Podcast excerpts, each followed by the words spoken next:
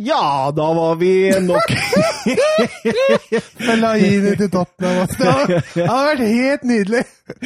Og der har vi Mats, mine damer og herrer. Jeg har nettopp fortelt, uh, fortalt den siste linken til Tottenham. Uh, Marwan Fellaini, og da Det fikk Mats til å eh, Ja, det redda kvelden.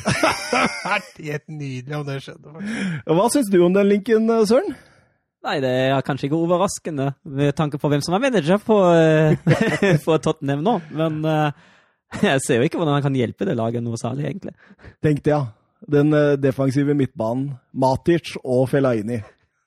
Matic, er han linka òg? Han har vært det tidligere. Oi, såpass. Ja, Men jeg, jeg, jeg tror det er bare sånn tullelinks, altså. Jeg ja, det må det være. Jeg lo i hvert fall veldig godt når du sa det. Ja, du gjorde det. Gjorde Du det. gjorde det. Eh, For de som ikke har forstått det, så er vi fotballpodkasten fotballpodcasten 90 minutter, og vi sitter her eh, nok en gang i tirsdag kveld og eh, skal plapre litt ball. Ja, det er vel et av ukas aller høyeste høydepunkt, det. Det er det for oss og for mange lyttere der ute. Får mye gode tilbakemeldinger nå. Det er veldig gøy. Ja, kjempemoro. Mm. Eh, Søren, hva syns du om podcasten vi har stabla på beina? Nei, den er veldig fin, den. Ja, du, eh, du sitter jo her og mener uke inn og uke ut. Det må jo passe deg bra. Ja, det liker jeg veldig godt. Eh, ellers så eh, går det bra med dere? Ja. ja? Ja, litt bekymra på det som skjer, for, for det som skal skje på Åråsen i morgen, da. Men uh, Ja, for du uh, Du er Lillestrøm-fan, du. Du er vi, Jeg vet ikke om jeg nevnte det før. Ja, og Mats, vi har sagt fra oss, det der. Nei, det stemmer det. det. Det går en sånn kamp. Jeg, jeg skal jobbe kvelden, jeg, så jeg bare jeg, jeg lukker øya og håper på det beste. Altså. Og så slår du opp øya igjen eh, klokka åtte. Ja. Ja. Uh, forbereder meg på Bayern München mot Tottenham isteden. Ja. Åh, deilig at den ikke er avgjørende nå, kjenner jeg. Ellers så kunne det blitt en beksvart fotballonsdag. Nei, men øh, Søren, øh, takk for at du kommer nok en gang. Ja, Takk for å bli invitert. Du er jo nesten fast invitar nå. Ja, det er veldig hyggelig. Ja da, ja da. Neste gang vi skal ha gjest, vet du, Mats, så må vi jo også invitere han, og så får vi heller eh, kanskje paye opp en ny mikrofon. ja. Jeg syns det, altså. Det Syns Søren skal være med så mye som mulig. Ja, tusen takk. Ja, ja. Du, du, du, du utfyller vår kunnskap da, med dine fantastiske Bundesliga-egenskaper. Eh, Det, det Egenskaper? Er det en egenskap? ja, men, der, altså, Hvor mye tysk Kunnskap er enig, Hvor mye egen- Bundesliga har jeg lært av han der, der oppe gjennom eh, tida nå? Det er mye.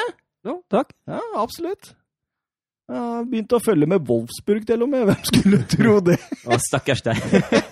Ja, Wolfsburg er blitt fast innslag det, nå på kampene vi går gjennom. Det må jo det, siden Søren er, eh, er Men, men jeg hadde laga noe, vet du, eh, for å se hvor mye dere faktisk har fulgt med denne sesongen. Mm. Så jeg laga en liten konkurranse. konkurranse. Eh, ja, det går rett og slett på hvor mye dere har fulgt med. Vinneren kan få lov til å låne mitt uh, kjære Blackburn-skjerf resten av sendinga. Uh, vi gjør det som følgende. Jeg har samla sammen litt info på litt forskjellige statistikker og slått dem sammen. Det vil da si de fire ligaene vi følger. Serie A, Bundesliga, La Liga og Premier League. Reglene gjør vi som følger at klarer dere å gjette en som er på pallen, så får dere to poeng. Gjetter dere en som ikke er på pallen, men som er med på lista mi, så får dere ett poeng. Gjetter dere to feil, så er dere ute. Ja, Så bare, men- bare sånn at vi ikke holder på en evighet, liksom. Men åssen er spørsmåla, liksom? Jo, nei, Vi begynner med lett oppvarming, eh, og så blir det vanskeligere og vanskeligere. Ja, ok. Eh, og så foreslår jeg at dere får annethvert gjett. Så vi skal ikke gi lyd, altså. Hæ? Vi skal ikke gi en lyd. Hva mener du lyd? At uh, jeg har et kjennete Nei, du kan ikke gi noe okay. lyd. Altså, Du kan få lov å gjette første runde først, og så begynner Søren på neste. Vi tar to lette oppvarminger. Um, jeg har nå stamla sammen åtte navn på beina. Uh, dette gjelder da toppskåreren, altså den som leder han i Golden Booth, eller uh, Gullstøvelen. Mm. Uh, gjetter dere de tre som er på pallen, så får dere to poeng. Gjetter dere en av de fire som er rett under pallen, så får dere ett poeng. Ja, ok. Gjetter dere to feil, så er dere ute. Mhm. Er dere klare? Men det, det er bare ligamål? Det er bare ligamål. Ja, ok. Serie A, Bundesliga, La Liga, Premier League. Skjønte du, Søren? Skjønte. Oh. Gud, Jeg skal prøve så godt jeg kan å holde tellinga. Thomas, du får lov å begynne. Da sier jeg Ziro Immobile. Det er helt riktig. Det er to poeng. Han har 17 mål og er toppskårer i Europa. Oh. Robert Lewandowski. Det er også helt riktig. Han har 16 mål og ligger på delt andreplass. Er det Timo Werner, da? Det er eh, helt riktig, men du får bare ett poeng, for han ligger på fjerde. Oi, oi, oi! Søren. Lionel Messi. Det er også helt riktig, men han ligger nede på femte. Så dere har fortsatt igjen tredjeplassen. Han har tolv mål. Oi, oi, oi, eh, Jamie Wardy. Det er helt riktig, Thomas. Da får du to poeng for den. Da er det to navn igjen, eh, Søren. Gir du opp allerede nå? Eh, Benzema. Det er helt riktig. Det er åttendeplassen. Oi, oi, Da er det ett navn igjen, Thomas. Benzema har forresten elleve mål.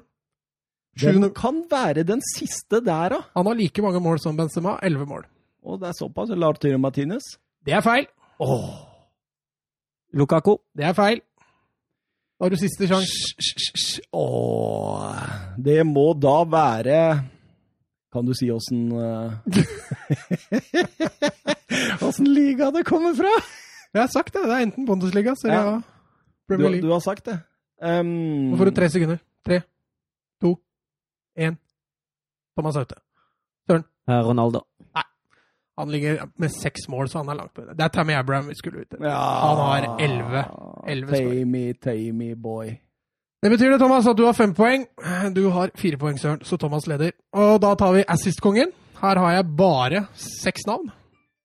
Den med flest assist i Europa så langt. Søren, du kan begynne. Kevin De Bruyne. Han ligger som delt andreplass, så da får du to poeng på den. Luis Alberto. Det er helt riktig, han leder. Han har elleve. Søren? Sabitzer. Det er feil. Han er ikke på lista. Uh, Hoeng Min Son. Det er helt riktig. Han ligger på en delt fjerdeplass med sju assist. Søren, siste mulighet. Skral litt. går Gå for Messi igjen, ja. Det er feil. Han er ikke på lista. Thomas Müller. Det er helt riktig. Han ligger på tredje. Thomas, klarer du de to siste? Det er en eller annen Frankrike, tror jeg. Frankrike er ikke med her, så det Nei, stemmer det, stemmer det. stemmer det. Men jeg, så, jeg syns jeg så den lista for en stund siden, skjønner du. Nei, jeg husker ikke sist. Jeg, Nei, vi må til Dortmund begge to, faktisk. Det er Ja, Torgen Hazard. Sancho og Hazard. Da blir Ja, det sju. ja. Men så, vet du, nå kommer de kule. Nå Mm. er oppvarminga ferdig. Eh, mest målrike lag i de fire store ligaene. Hvilket lag er det som slipper inn og skårer mest mål? Thomas, du kan begynne. Det er fire lag jeg har på lista. Det må bli Liverpool, da. Det er feil. Manchester City. Det er riktig. De ligger som nummer to med 3,94 målsnitt per kamp. ja, det, det er vanskelig å tenke Ja, og gjøre er dette. enig. Men uh, Leicester, da? Det er feil. Oi! RB Leipzig. Det er feil. Barcelona. Thomas, du er ute.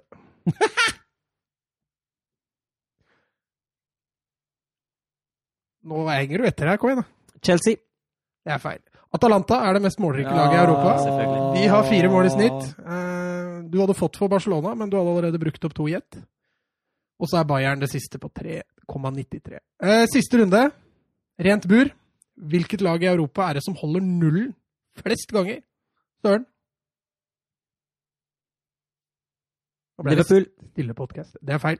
Real Madrid. Det er helt riktig. De ligger på delt førsteplass med sju nuller.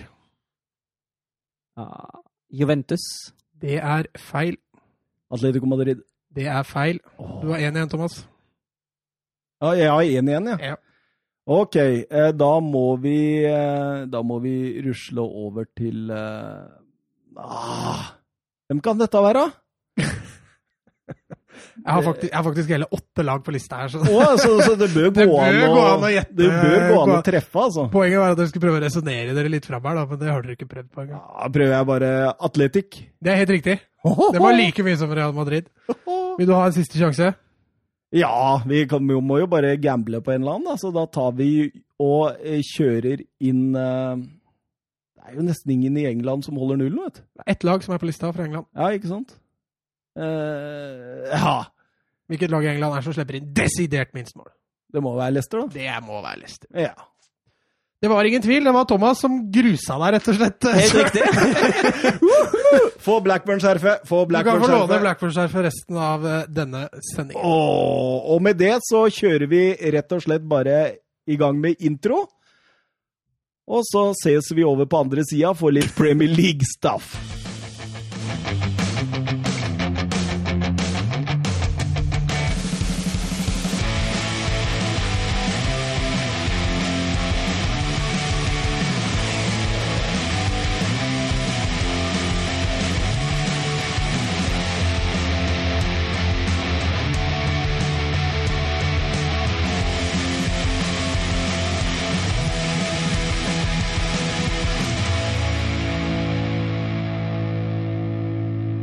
Og vi var klare. Jeg soler meg i glansen over seieren, jeg, Mats. Sitter her med Blackburn-skjerfet mitt og koser meg. Ja, du imponerte faktisk. Eh, Du, du hadde overraskende Det er litt sånn underbevissthetsspørsmål, spesielt sånne målrike kamper og sånn. Du tenker jo ikke noe veldig over det. Nei, altså så er man ikke altså, Man må jo liksom ramle over statistikken for at man liksom på en måte skal egentlig Ja. Så det Nei, imponerte meg. Du kler også Blackburn-skjerfet veldig. Å, deilig. Du må ta et bilde av meg, så sender du det. ut på Twitter. Jeg har gjort det. Du har gjort det i smug, ja. Det ble sikkert fint. Eh, vi begynner med Everton mot Chelsea. Vi begynner med Premier League og kampen på Goodison Park, eh, hvor eh, Marco Silva fikk sparken på torsdag. Big Dunk inn som caretaker, og rett tilbake i klassisk 4-4-2 med to sterke spisser på topp. Eh, to breddeholdere i Walcott og Iwobi, og én defensiv og én offensiv midt. Det gode, gamle skolen, Mats. Ja, eh, og så var intensiteten vanvittig høy. Eh, det var egentlig det jeg merka mest på Everton. At det var en det var noe helt annen innlevelse i kampen fra Everton-spillere. Og Chelsea-spillere fikk jo ikke ro i det hele tatt. Tror du, Søren, at eh, Duncan eh, Ferguson har kommet inn med litt sånn motivator-skills inn i garderoben der, eller? Ja, det ser jo litt sånn ut. Og så det jo spørs om spillerne kanskje var lei av godeste Silva. Det kan jo tenkes. Og da er det gjerne det som blir resultatet, at man løper litt ekstra og kaster seg litt ekstra inn når man får da en ny trener etter at en kanskje upopulær manager er ut, men eh, jeg følger ikke tett nok med på Everton for å kunne uttale meg om, om dette her. Var han upopulær iblant spillere? Marco Silva? Det, det har vel ikke kommet noen rapporter på det, men det kan jo Altså, det er veldig sjeldent en klubb sparker en trener på det grunnlaget så tidlig i en sesong. Tenker jeg, i forhold til hvis det ikke har vært litt misnøye i spillertroppen. Ja, jeg, jeg har ikke lest noen rapporter på at spillertroppen var misfornøyde med Silva, men man ser jo på spillet til Everton og tabellposisjonen til Everton at uh, noe måtte jo gjøres snart. Og det var jo et svar, ikke sant, når spillere går inn der. De har vel 37 taklinger i løpet av matchen. Det er det høyeste de har hatt siden 2011. Goodison Park sto i flammer. Eh, publikum var med på hver eneste takling, hver eneste pasning. Jeg, jeg tenker jo det at eh, Duncan Ferguson han på en måte tar tak i Marco Silvas eh, sitt arbeid, river i stykker. Altså, Rett og slett bare river det til stykker og til back to roots, liksom. Men, men altså, øh, det var litt øh, positivt å se Gylfi Sigurdsson. Jeg har ikke sett han så aggressiv og tøff i duellspillet noen gang. Eh, og Calvert Lewin, dette er jo et system som passer han perfekt.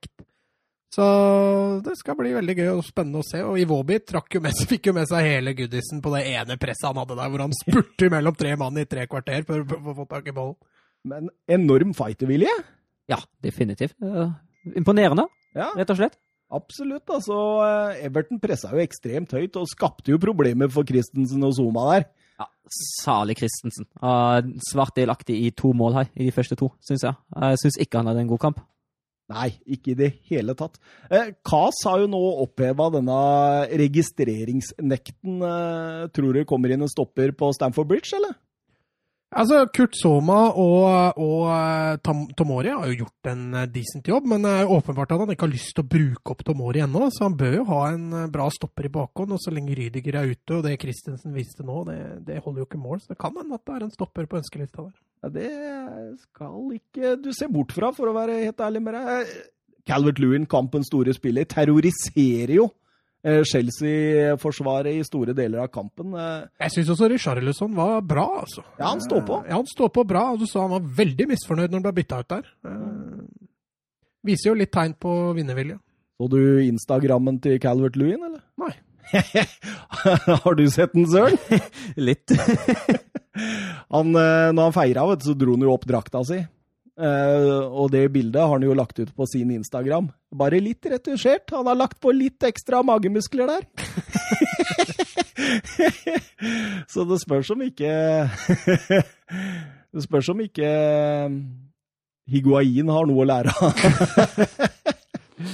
Eh, Har noe å lære av rett og slett bilderedigering? ja, sannsynligvis. Kanskje han, Instagrammen hans hadde fått litt uh, oppussing. Eh, Chelsea, fem siste nå. Ja, de har fått, eh, fått det litt tøffere nå. Vant jo mot Villa i midtuka, riktignok. Men, eh, men eh, kampen i dag var et lite steg i feil retning. Jeg syns de er gode siste kvarteret i første omgang, og, og litt i starten av andre omgang. Men ellers er det Everton for det meste i den matchen. her. altså. kanskje mest skuffa over at når de kommer seg til, til to NV Kovacic, altså blir de, de blir jo litt mer offensive. Men de skaper jo egentlig ikke mye. Egentlig som det samme som mot Westham, der det var en helt forferdelig andre omgang. Og så ja, hjalp ikke å skåre heller. Nei, absolutt ikke. Jeg syns det var veldig svakt. Og nå har de jo på de fem siste tapt mot City, Everton og Westham. De har uavgjort i Champions League mot uh, Valencia og en eh, hjemmeseier. En knapp hjemmeseier, faktisk, mot Aston Villa. Så mm, ja Er uh, Yokohama-hjula i ferd med å falle av bussen? ja, kanskje. Nei, vi snakka om dette tidligere, at uh, ja, Chelsea kommer til å gå på noen smeller utover sesongen. Mm. Pga. sitt unge mannskap. Men, men, fundamentet i Chelsea virker så solid at jeg jeg tror ikke det blir en sånn kjempeskrellsmell de kommer til å få med masse dårlige resultater. Jeg tror de reiser seg. Eh, jeg ble litt overraska at han ikke setter inn på Jorginho underveis i den kampen her for å prøve å kontrollere ballen litt mer. Eh, mm. Men eh, ja, all, all honnør til Everton, altså. Jonathan Hobber har et spørsmål til oss eh, på Twitter. Eh, Lampard og Chelsea er inne i en vanskelig periode nå. Skal de henge med i Premier League og Champions League, må de kjøpe i januar. Hvor bør de forsterke, og med hvem tenker dere? Og det har vi jo egentlig svart på. De må ha inn en stopper. Og så kanskje en Jeg tror også en venstreback eh, kunne vært interessant. Eh, Emerson eh, virker jo ikke å være veldig fast i dette systemet. Og, og Alonso, er han skada nå, eller er han Ja, men Alonso er jo ikke noen back i en firer bak. Um, så det er vel kanskje der det brenner mest. Um, kunne også tenkt meg at en spiss kanskje kunne hjelpe. Jeg uh, syns det hviler veldig mye på Abraham. Og så Bachuayi er jo ikke helt i nærheten, og Giro er jo absolutt ikke i nærheten. Nei. Så ja, men kanskje... å kjøpe inn en backup-spiss er jo ikke lett heller. Nei, det er jo ikke det. Som holder et bra nivå. Neida. Uh, så den, den, posisjonen, så lenge Tammy Abraham er skadefri, så er jo ikke det noe prekært, syns jeg i hvert fall. Men uh, tror du ikke det vil gå an å hente ut uh, Kolobali fra Retiro-helvete i, i Napoli? Jo, det vil sikkert være mulig. Chelsea har jo spart opp litt midler, de nå, så der er det vel noen milliarder å brenne. Ja, venstrebekka, har du sett deg for noen muligheter for Chelsea? Ja, Grimaldo, da. Grim ja, vi, vi, er der igjen, ja. Alex Grimaldo, ja. Det var sommerens store hit, det. Det var sommerens store hit, ja. Eh, skal vi videre til Bournemouth mot Liverpool. Eh, det ble 0-3. Liverpool fosser videre, selv om de eh, hviler litt spillere og har to tredeler av den faste midtbanen ute med skader. Det Er imponerende, Søren? Ja, det var Vi, vi snakket jo om det etter Brighton-kampen at vi bare satt her og skulle endelig snakke om en suveren Liverpool-seier, og så kan vi det med, med god rett nå. Det var, ja, det kan vi. ja, det var gjennomført veldig bra fra, fra første til 90. minutt, syns jeg. Det er vel, Velfortjent seier til Liverpool. Men, men, det er jo litt deilig å sitte her nå og endelig hylle ligalederen uten at det gikk på litt marginer. Jo, men, men, men altså, hvor stor betydning var det at uh, Nathan Akay ble skada? Ja, i 35 minutter. Ja. Altså, Rett etter at han måtte ut med skade, så skåra Liverpool med en gang. Kjempeblow. Uh, jeg, tror at, altså, jeg tror Liverpool hadde vunnet den kampen uansett. Den virka veldig solid og god i den matchen, men, men uh, du så med en gang Akay gikk ut, så rakna det Bournemouth-forsvaret mm. umiddelbart. Mm. Offensivt så er jeg helt enig med hvem som kommenterte kampen. Var Vikstad. Ja, det er kanskje det. Uh, han sa at dette Bournemouth-laget de mangler Joshua King, og det mm. syns, og det er jeg helt enig i. Det er for lite gjennombruddshissighet og punch i det Bournemouth-offensiven. Altså. Og de fikk jo Wilson skada ut i annen omgang der òg?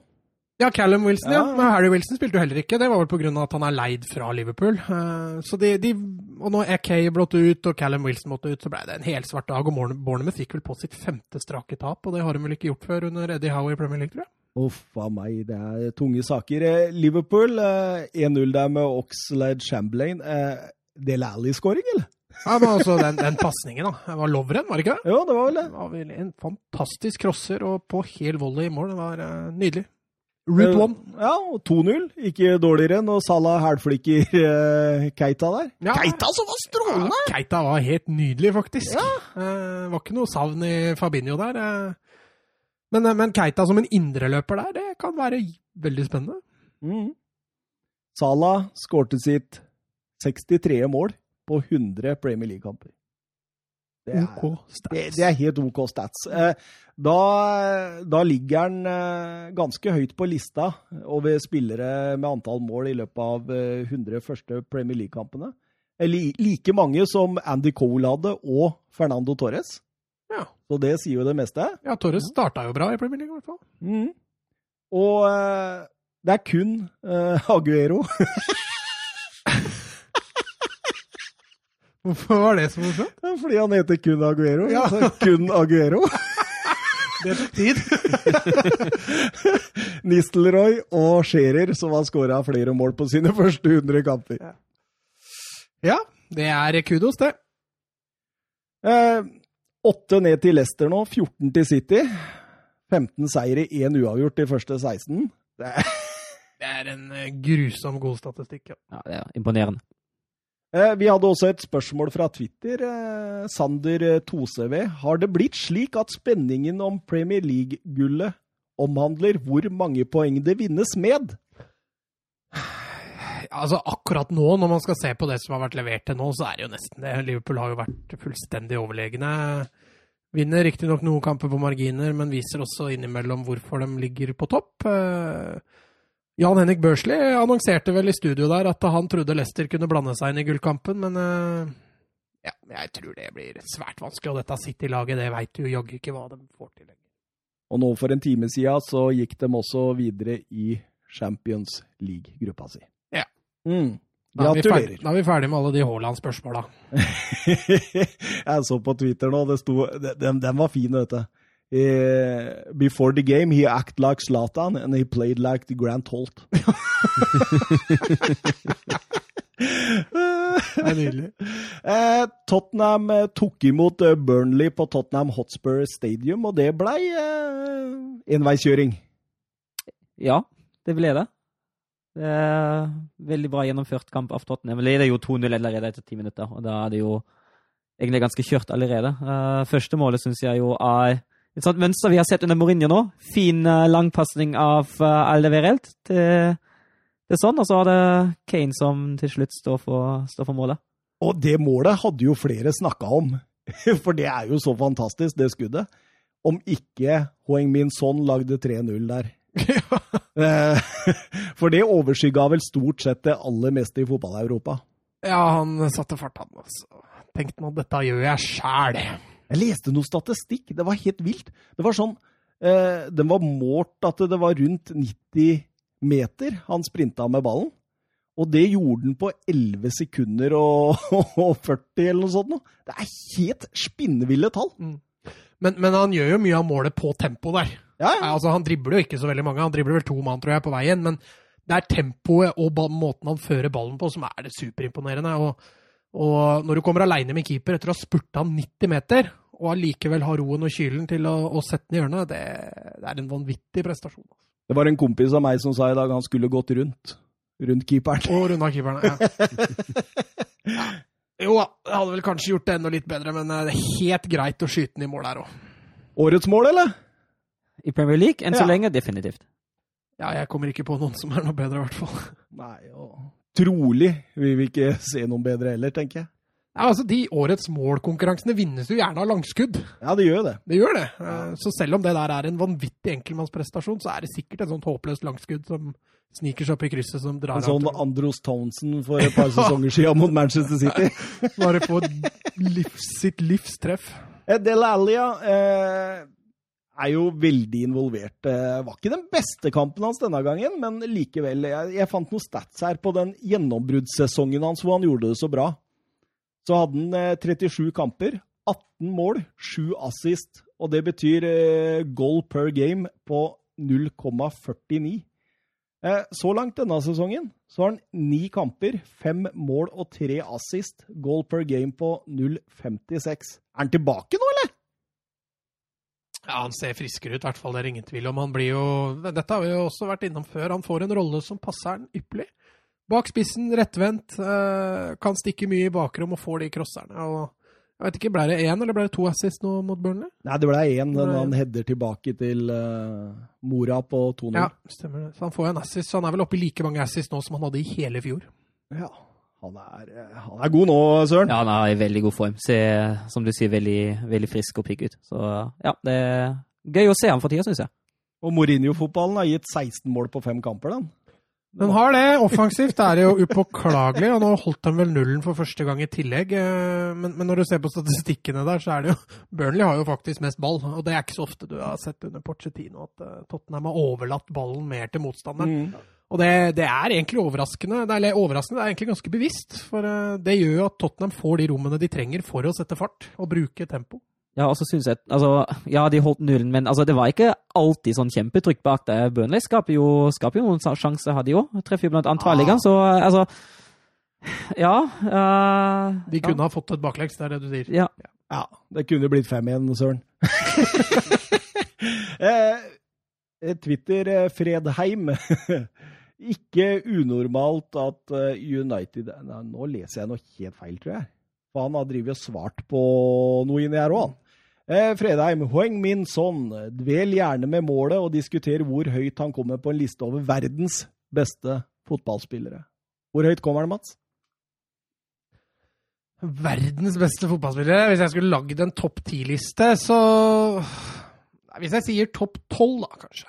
Mm. Offensivt så er han jo definitivt eh, en av de beste. Eh, nei, topp tolv. Topp tolv. Du da, Søren? ja, sånn cirka topp 12, topp 15. Men eh, jeg må jo si at jeg sånn i utgangspunktet ikke er sånn superglad i sånne lister. Jeg mener at fotball er en eh, lagidrett, og der skal man ja, gjerne se på, se på hele laget. Mm. Ja, ja. Nei, jeg eh, Topp ti vil jeg strekke meg. Det er så bra, liksom. Det er så bra. Nå, og han er alltid skrudd på! Det er alltid 100% Hele veien. Det er liksom Det er ikke alltid han lykkes. Nei! Han, han Nei, varierer, nei, nei, altså Prestasjonen hans varierer jo litt. Men nå tenker jeg først og fremst på uh, innsats. Ja. Det er alltid 100% for laget. Hele veien, uansett om man ligger under eh, 7-2 mot Bayern München, altså. Så er det 100% og det er deilig å se han som fotballspiller. Ja, Men i stillingen hans er det jo ingenting i veien med. Eh, Det dvele med målet har vi vel eh, for så vidt gjort. Ja, det er eh, hyll, hyll. Eh, Aston Villa tok imot eh, Leicester på Villa Park. Eh, Leicester vinner sin åttende strake Premier League-kamp. Eh, og det eneste laget som henger delvis med Liverpool. Ja, så har Jamie Vardy skåret i alle åtte av de.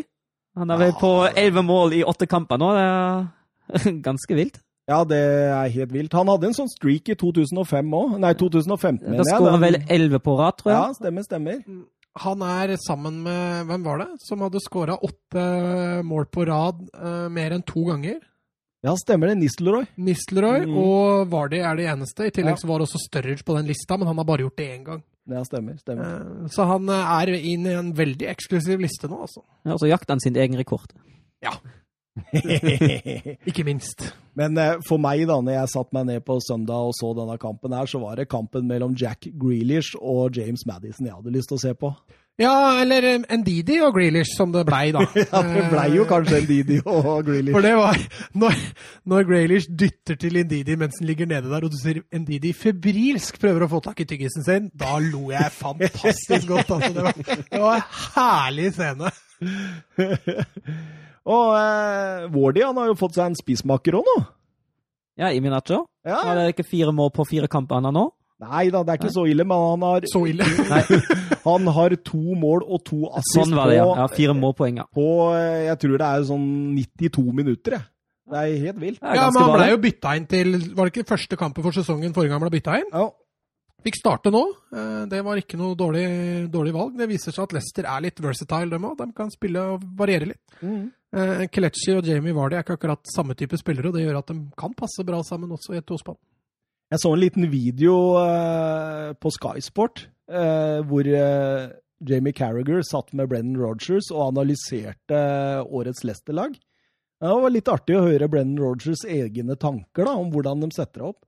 Og et veldig viktig poeng Brennan Rogers hadde, det var at Jamie Vardy er nesten fritatt for uh, uh, offensivt press og det å vinne baller høyt. Mm. Han skal bare ligge og sleike offside-linja hele veien.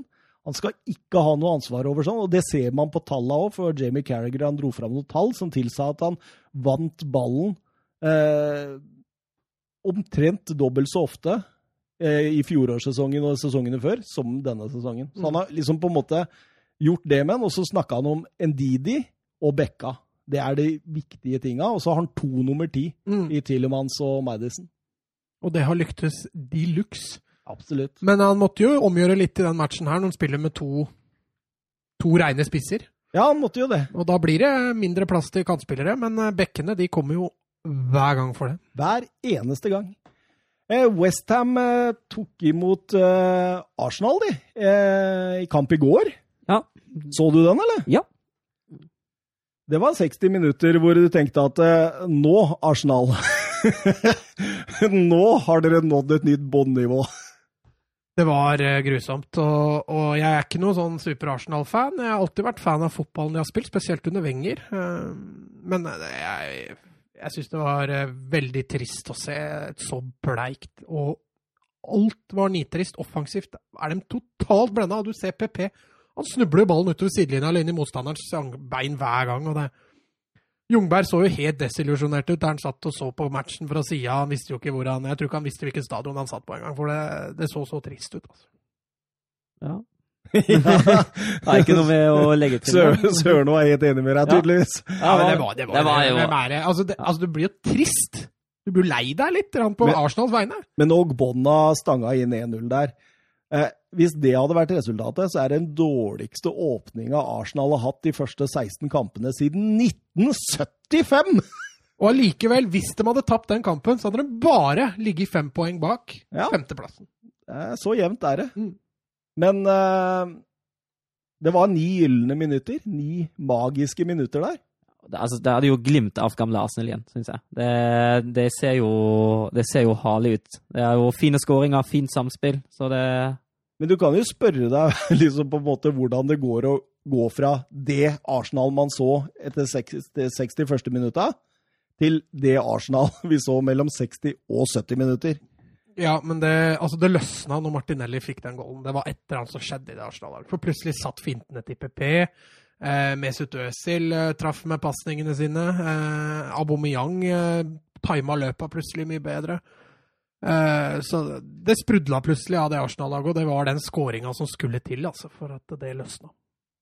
Eh, Du foreslo at vi skulle dra inn eh, Gabriel Haaland sitt Twitter-spørsmål etter denne kampen. Mm. Og han spør litt manager-kabal. Bayern, Arsenal, Everton. Hvem går hvor? Emry er linka til Everton nå. Eh, Kovac til Arsenal. Skal Marco Silva til Bayern for å gjøre sirkelen komplett? Det sistnevnte tror jeg ikke noe på. Eh, som det ser ut nå, eh, har Bayern to favoritter, og det er Ten Hag, og det er Toril. Ingen Pochettino? ingen Pochettino. Pochettino har fått beskjed fra Bayern-ledelsen nå at han ikke blir Eller at han ikke er aktuell som kandidat. Og det er fordi han ikke snakker tysk. Eh, det har trolig en god del å si, ja. Såpass. Ja. Ja, ja. Men så altså, akkurat nå ser det ut til å bli avgjort mellom uh, Ten Hag og Toril. Ja, så da er Solskjær snart sparka da. uh, ja. Uh, men la oss ta Arsenal først, da. Det er jo sterke rykter om Niko Kovac. Ja. Eh, hva tror vi om en sånn ansettelse? Vi kan jo høre, men det, det er jo deg, Søren, som kjenner Kovac best av oss. Altså det, det han har jo slitt med i beinet, etter min mening, det er denne balansegang mellom offensivt og defensivt spill. Uh, han, var, han var flink i Frankfurt, uh, da han kunne ha et litt mindre lag og ligge litt mer kontrollert bak og satse på kjappe overganger. Det fungerte, fungerte ganske greit. Det kunne han ikke i Bayern. I Bayern var det forventa at han skulle dominere spillet uh, og samtidig vinne kampene på en fornuftig måte. Um, det fungerte Det fungerte jo ikke sånn superbra. Uh, og jeg tror kanskje ikke at han kommer til å fungere superbra i Arsenal heller. Fordi Arsenal er han favoritt i hvert fall 14 av 19 seriekamper. Eller mot 14 av 19, av 19 lag. Uh, og jeg veit ikke helt hvordan han skal takle det. Men, Uh, men, men det du sier, da, er at eh, enten så må man velge å bli Ole Gunnar Solskjær i Manchester United med Arsenal, og da kan det gå brukbart, fordi det gjorde det i Frankfurt. Men hvis han skal ha den tilnærmingen som han hadde med Bayern, så vil han ikke finne balansegangen i laget. Altså han sliter med de tinga der, som da vil gjøre at Arsenal forblir Arsenal. Ja, det er egentlig det jeg sier. Men så, så skal han visstnok være ganske interessert. Hertha ville jo ha ham, og da sa, han, eh, da sa han at han ville ha en pause, så Hertha ville jo veldig gjerne ha ham 1. juli 2020. Men uh, ut ifra de ryktene jeg har sett nå, virker han, uh, virker han litt frista for Arsenal, så vi får se. Ja. Så da blir det Kovac til Arsenal. Det blir eh, Ten Hag etter sesongen til eh, Bayern. Det har jeg sagt hele tida, egentlig. Har jeg ikke det? Jo, så har flikk ut sesongen og Ten Hag Ja. etterpå. Og eh, til Everton, da. Uh, Big Dunk, skal han fortsette, eller? Ja, kanskje det. Kanskje det er det beste.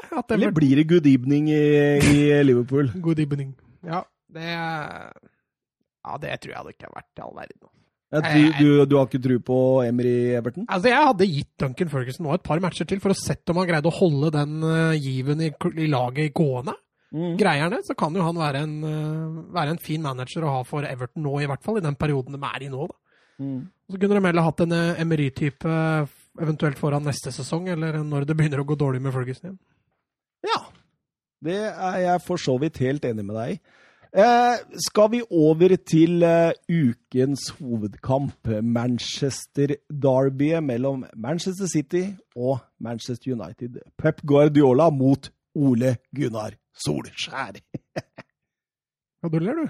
Hæ? Du ler, du. Ja, jeg ler. Eh, to lag med gode prestasjoner i midtuka, for all del. City lekte seg med Burnley, vant 4-1, mens United var gode i 2-1-seieren hjemme mot eh, Tottenham. Eh, på de siste 23 møtene har City vunnet 11. Tre har endt uavgjort, og ni seire til United. 3-1 til City i tilsvarende sist sesong, eh, men det var da med José Mourinho som trener i Manchester United. Guardiola ut i sin vante 4-3-3. Bernardo Silva, Jesus og Stirling på topp. Eh, Kevin De Brøne og Silva som indreløpere rundt Rodri. Eh, Spørsmålstegn ved City var vel forsvarsmessig, syns jeg. Altså, En halvskadd Stones inn med Fernandinho der, en Angelino og Walker på bekkene. Det, det, det, er, det er ikke pottetett, det. Nei, jeg veit ikke hvorfor han ikke gikk for Mendy. Uh, Angelino har vel egentlig vært et slags tredjevalg uh, Ja. bak både Zinchenko og Mendy før sesongen. Og så stiller han opp i dette United- eller Manchester-derbyet med, med tredjevalget sitt på venstrebekken. Og som du sier, en halvskada John Stones. Men, men akkurat når det gjelder Stones, så han har jo ikke så veldig mye bedre alternativer. Nei, da, du må få inn katastrofe Otamendi i så fall. Ja. Eh, siden Laporte er skadet. Ja. Eh, Ole Gunnar Solskjær da, ut i en eh, 4-2-3-1. Eh, Rashford ut venstre, James eh, ut høyre. Lingogard i en sånn mellomrolle bak eh, Martial. Funker ti ganger bedre enn Pereira, i hvert fall. Ja, det gjør han faktisk. Tro det eller ei. Og Lingard dominerer jo ikke kampene, for å si det sånn, så det sier vel mest om Pereira. Det sier mest om Pereira. Men Fred og McTominay, de, de var på jobb. De var på jobb. Det blir sagt gjentatte ganger av kommentatoren at uh, McTominay utfyller Fred eh, mye bedre enn det Pereira gjorde. Eh, og det er jeg helt enig i, men, men McTominay tror jeg er såpass bra nå at han kunne fylt ut hvem som helst. Altså, du kunne nesten putta Pereira der, og det hadde sett bedre ut. Altså. Ja, Uh, sånn at eh, Fred lever veldig godt av McTominay, uh, som gjør en vanvittig god match. og Jeg veit ikke hvor mange meter han la ned, men det var, det var mye. altså. Absolutt. Og når kampen setter i gang, Søren, det er et voldsomt tempo ut blokkene fra begge lag.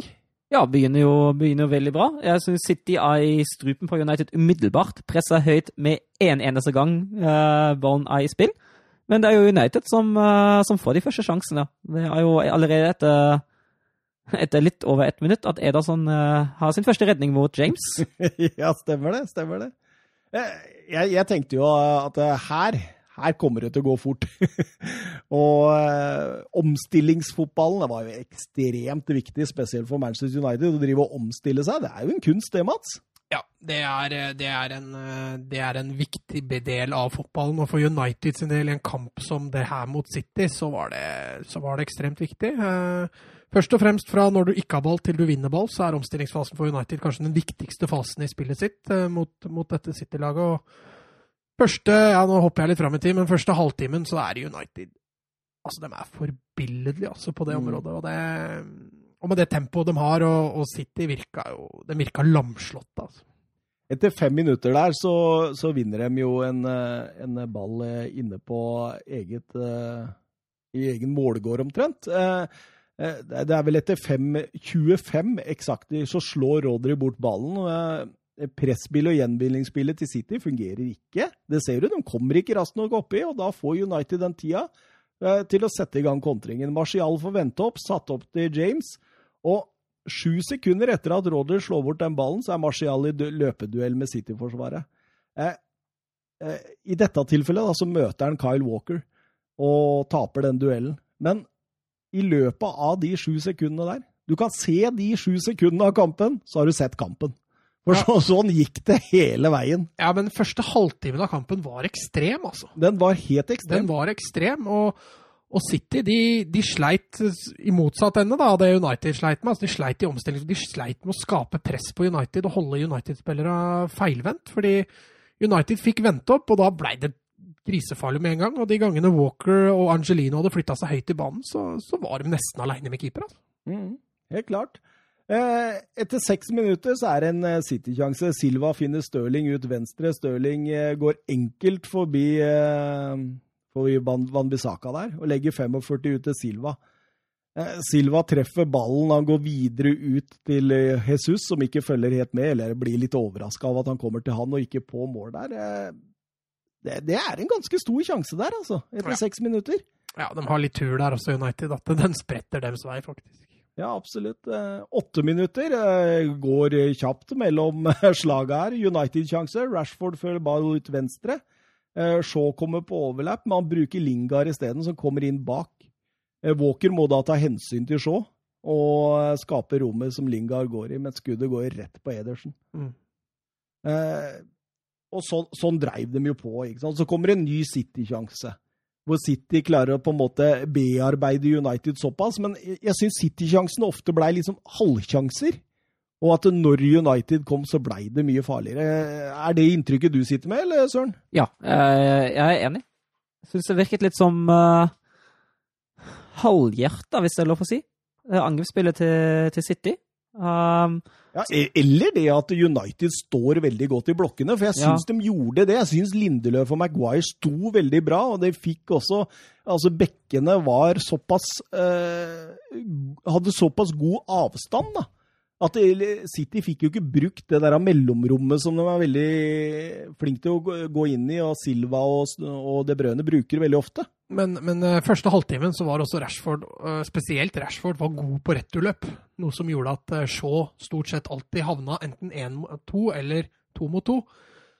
du så utover ja, nå hopper jeg litt fram igjen, men utover i matchen så ble de returløpa mye dårligere fra Rashford sin del. Og når Shaw og Van Bissaka for så vidt havna én mot én, så var det skummelt med en gang. Mm. så de gangene United greide å, å skape overtall på egne kanter, så sleit City stort altså med å skape. Og Stirling blei jo Altså, jeg, jeg, må jo si jeg satt litt med hjertet i halsen hver gang Wambisaka var én mot én mot Stirling, for det kunne gå begge veier. Ja. Uh, Stirling kunne fint runde av Wambisaka, og Wambisaka kunne takle Stirling ut av banen. Men, uh, men de øyeblikkene hvor, hvor, både James og Rashford tok returløpa skikkelig, så sleit City med å komme rundt på kanta. Ja, men etter 19 minutter, da, Søren, da skjer straffespark. Da blir det straffespark til Manchester United etter mye om og men. Ja, men det er jo helt korrekt. Altså, Bernardo Silva sparker jo vekk Rashford, men uh, han blir jo overivrig der. fordi jeg syns egentlig Fernandinho har kontroll på situasjonen. Han står jo i veien mot ballen, mot målet. Altså, Jeg veit ikke hvor Rashford skal der. Han må, altså, han må ut, Rashford. Ja, altså det er jo ingenting som skjer der. Uh, er jo egentlig, situasjonen er jo egentlig under kontroll i det mm. Bernardo Silva ramler ned, ramler ned Rashford. Så jeg syns egentlig det er veldig overivrig av, uh, av Bernardo Silva. Ikke særlig kampsmart heller. Nei, det er jo ekstremt dårlig av Bernardo Silva å gå inn der. Du, du, ser det på den ene replayen, hvordan han har øyekontakt med Rashford hele veien. Og at han liksom på en måte Du, du ser han har ett mål, liksom, og det er å dytte den over ende. Så, så treffer han jo beina hans, da, og det er jo soleklart at VAR ja. går inn og tar det. Det er vel derfor vi har VAR. Og så er han foran Bernardo i tillegg. altså Det er så urutinert av Bernardo, så det halve kunne vært nok, egentlig. Rashford setter enkelt straffa, kan vi si det? Ja. Begynner å få teken nå? Ja, absolutt. Det var den tiende straffesparket til Manchester United. Ja, de har jo fått ekstremt mye straffespark i år. Hva i alle dager? Ja, men Det har litt med at de har blitt veldig flinke til å sette opp én mot én. Og når Rashford og James og de gutta setter fart inn i 16-meteren og er én mot én, så er det, det er lett å få mm. Eller ikke lett, men eh, det er fort gjort å lage en straffe, altså. Men uh, dessverre for Manchester United sin del så har jo straffespark vært en halvsjanse. Men uh, nå Ja, det var derfor jeg sa at nå ja. begynner han å få litt tekken på det. Eh, 25 minutter, eh, United-sjanse igjen. Eh, overgang som kun Rashford og Fred tar. Eh, Det er nok det til å spille seg til en stor sjanse, og Ja, Rashford dårlig. bommer da. Ja, legger dårlig, ut. dårlig avslutning av Rashford. Det der har han både tid til å ta med seg kula innover. Han har også tid til å ta en skuddfinte på første touchen der, som gjør at Ederson vil bli tatt på feil bein hvis han har litt tålmodighet. Så litt dårlig valg og litt urutinert av Rashford der. Mm. Men bra gjort av Fred, for å si det sånn. Og minutter etterpå så setter Rashford den i tverrliggeren. Det gjør det godt. For det er en god avslutning. Er, en, altså, det er jo en grei skuddposisjon, men det er egentlig ikke en kjempesjanse. Men den treffer han godt. Det minner litt om den han hadde mot uh, Tottenham i midtuka. Bare at den ikke går på mål. Men uh, ja, kjempefin Altså, avslutning. litt sånn nonchalant, liksom. Ja. Bare litt sånn hoftevrikking. og- Ja, nei, vi legger den der, vi. Og så klinker Ser han legger den fint til rette bort fra stopper der, og Og så har han så utrolig bra skuddteknikk. da. Altså, Så kontrollert med innsida, og allikevel få så bra fart i kula. Det, Det er hardt, vet. Ja, det er, det er en veldig god skuddteknikk han har der. Altså. Og to minutter etter der igjen, så kommer 2-0. Ja, det var et eh, litt overraskende skudd, tror jeg, for Ederson. Jeg tror ikke han forventa Martial skulle skyte der. eh, For han blir jo tatt i keeperhjørnet der. og det, altså Det er kanskje ikke en keepertabbe, men eh, den burde han ha gjort noe med. Men der, nå sitter altså Pep Guardiola på sidelinja, ligger under 0-2 mot deres største fiende. En kjempetabbe av, eh, av Bernardo Silva som lager straffespark, og et kløneri av et forsvar i forkant der av 0-2. Ja, for det, det er Altså, det var i utgangspunktet en kontring, men de stopper den litt. Rann. Ja. Men allikevel så, så, så gjør de en så dårlig markeringsjobb der City at de finner lommerommet med Martial der. og Ja, han skyter litt overraskende, men det er ikke noe godt keeperspill av Ederson heller. Altså. Og da virker City litt rysta, altså. Det virker litt panisk, syns jeg. Altså, du, du ser dem begynner å ta oppspilla litt annerledes. Sånn, hopper over et ledd i den faste oppspillsrytmen sin og sånn. Mm.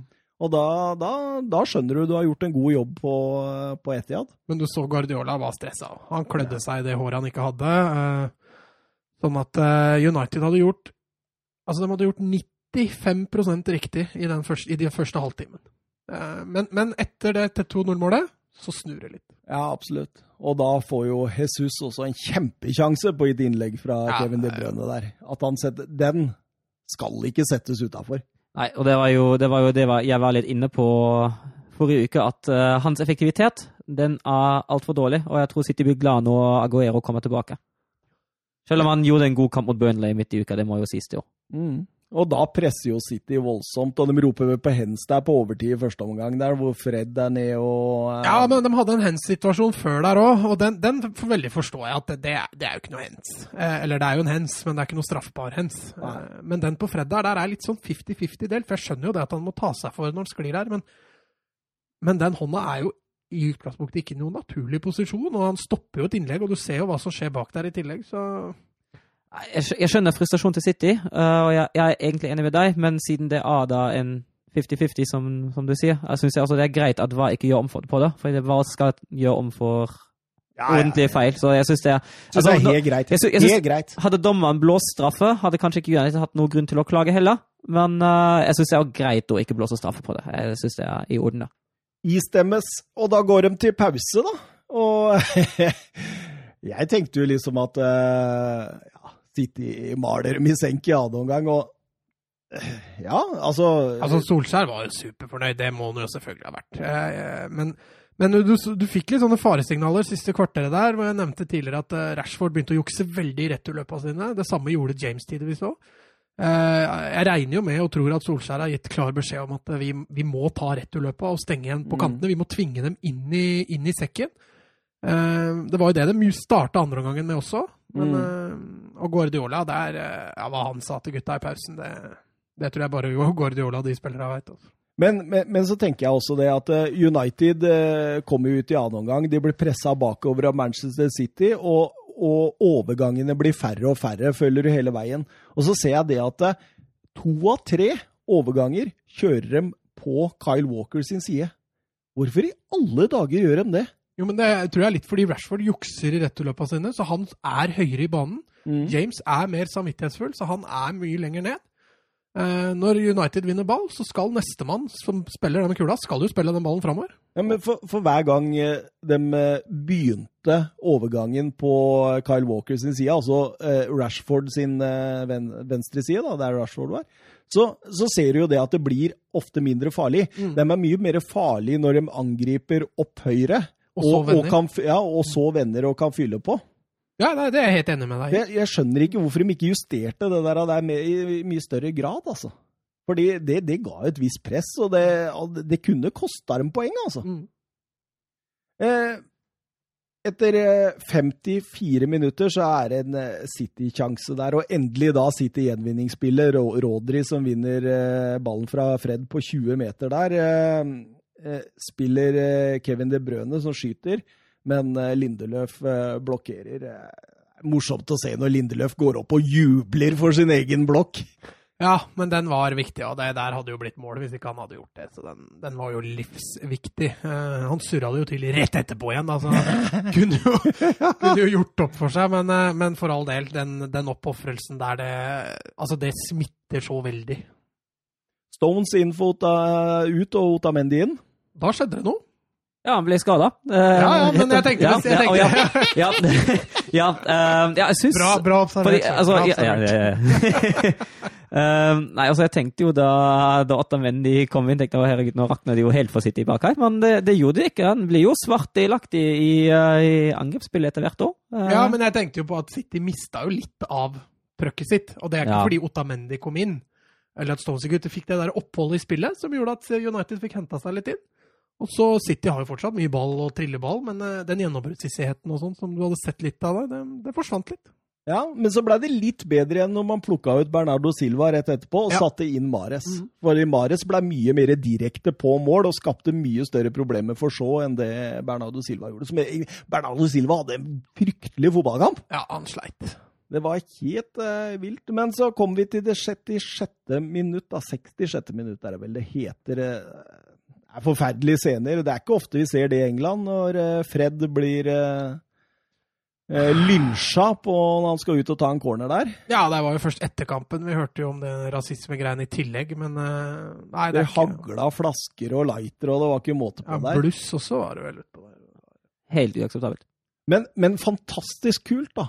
At eh, Fred går ut igjen og tar corneren etterpå. Men det som jeg også la merke til, var jo det at han kløna som sto bak der og lagde apelyder. Ja. Han sto der når Fred tok corner. Neste gang den var der, ballen var der, så var han borte, han. Ja, han så han har allerede vært og fjerna. og det er jo kudos og, og, superbra. Det er litt annet enn i Italia, hvor uh... Ja, men der står det jo 340 mann da, som står og roper, så det er ikke så lett å fjerne. Men, men, uh, men uh, når det er én mann som skiller seg ut, så, så, er det lettere å ta. og så det er vanskelig å synes synd på han, men de gikk jo ut med navn og bilde og hele pakka ja. etter matchen. Fortjent. Eh, og han tror jeg ikke lever akkurat så veldig godt liv. akkurat. Nei, men det er helt fortjent. Ja, altså, I utgangspunktet så er det fullt fortjent. Ja, ja. Men du føler jo altså... Så feil, vet du. Det er så feil å stå der på, til, og, på grunn av noe så simpelt. Vi har jo vært gjennom det i Serie A. ikke mm. sant? Det er det, det er det, laveste man kan omtrent nå. da. Og, ja. og det, sier, det, det, er jo som du sa, og, og vi sa jo i en tidligere podkast også, gå på skole, så blir du ikke rasist. altså det, du er litt dum, mm. rett og slett. Er det ikke litt sånn, Søren? Ja, definitivt. Eh, men eh, la dere merke til at Stirling han har jo gått veldig inn for dette med rasisme og sånn.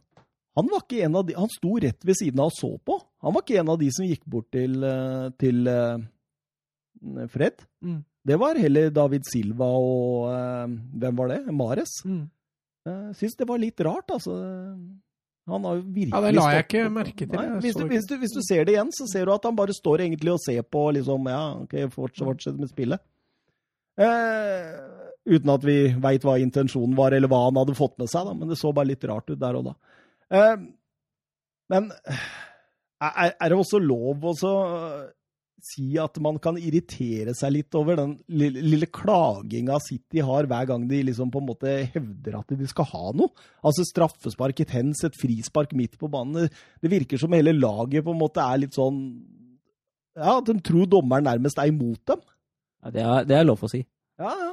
Jeg blei bare så irritert hver gang, liksom. Hver gang det var en hens-situasjon, hver gang det var en sånn 50-50-duell og en City-spiller ikke, så var det klaging. Det var liksom aldri vært borti det fra City før. Det er tydelig at de er litt desperate, altså. Ja, så er det mulig de føler at de har opparbeida seg litt uh, negative uh, hva skal vi si, opplevelser rundt, uh, rundt det.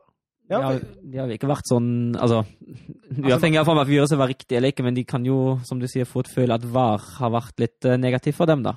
Men, ja, ja. men, det, men det, har jo, det, har jo, stort sett vært riktig, det hva har gjort med City. Men uh, det, det, er jo en annen forståelse når du men, sitter inni det. Men hadde vi ikke hatt VAR, så tror jeg City hadde kommet bedre ut av det. Ja, det tror jeg òg. Mm. At de hadde tjent på å ikke ha VAR. Ja, for jeg, jeg, tenker jo det, Du ser jo Stirling han prøver å konstruere et straffespark mot Maguire der. Du har den Hensen rett etterpå med Shaw. og De er liksom helt fra seg at det går an, liksom. Men det er ingenting av det som er klink. Nei, nei, nei. Det er, det er ikke noe egentlig helt motsatt. Eh, 73 minutter, eh, Martial ut, Pereira inn, og da tenkte jeg nå taper de kampen. ja. og det eh, første han gjør, er vel en feilpasning før han får et gult kort. Eh. Ja, han begynner der han alltid har vært. Det er helt håpløst at uh, han setter inn han i en sånn kamp, for å være helt ærlig. Det, var, og det, det bare økte jo presset på United, egentlig. Ja, det, altså Jeg husker jeg skrøt litt av han etter Liverpool-kampen, fordi han viser at han har en arbeidsmoral og en løpskapasitet. Men, men, å sette inn den evnen når det gjenstår 75 minutter, og du skal ri av en 2-0-ledelse, uh, så blir det ja, og, ja, og, og da, feil, altså. da, eskalerte igjen uh, dette trykket, og det altså, endte jo til slutt med mål. Ja, så mister de jo oppspillpunktet sitt. Ja. Uh, så den, uh, det var litt Altså, kjørte Lingard fram som spiss. Uh, jeg skjønte ikke det. Men uh, eh, 84. minutt der, Otamendi 1-2. De blei advart på en corner rett i forkant der, hvor Otamendi holdt på å sette den. Uh, denne gang så bare brøyta Naron Van Bissaka til side og stanga inn i reduseringa. Fantastisk, egentlig, av uh, Otamendi der. Og ja. Bissaka blir smågutt.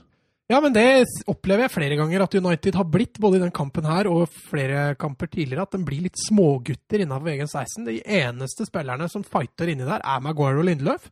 Hvis det er Fred eller Wambisaka eller Shaw som havner i duell inne i 16, så blir de dytta unna, altså. De er litt smågutter.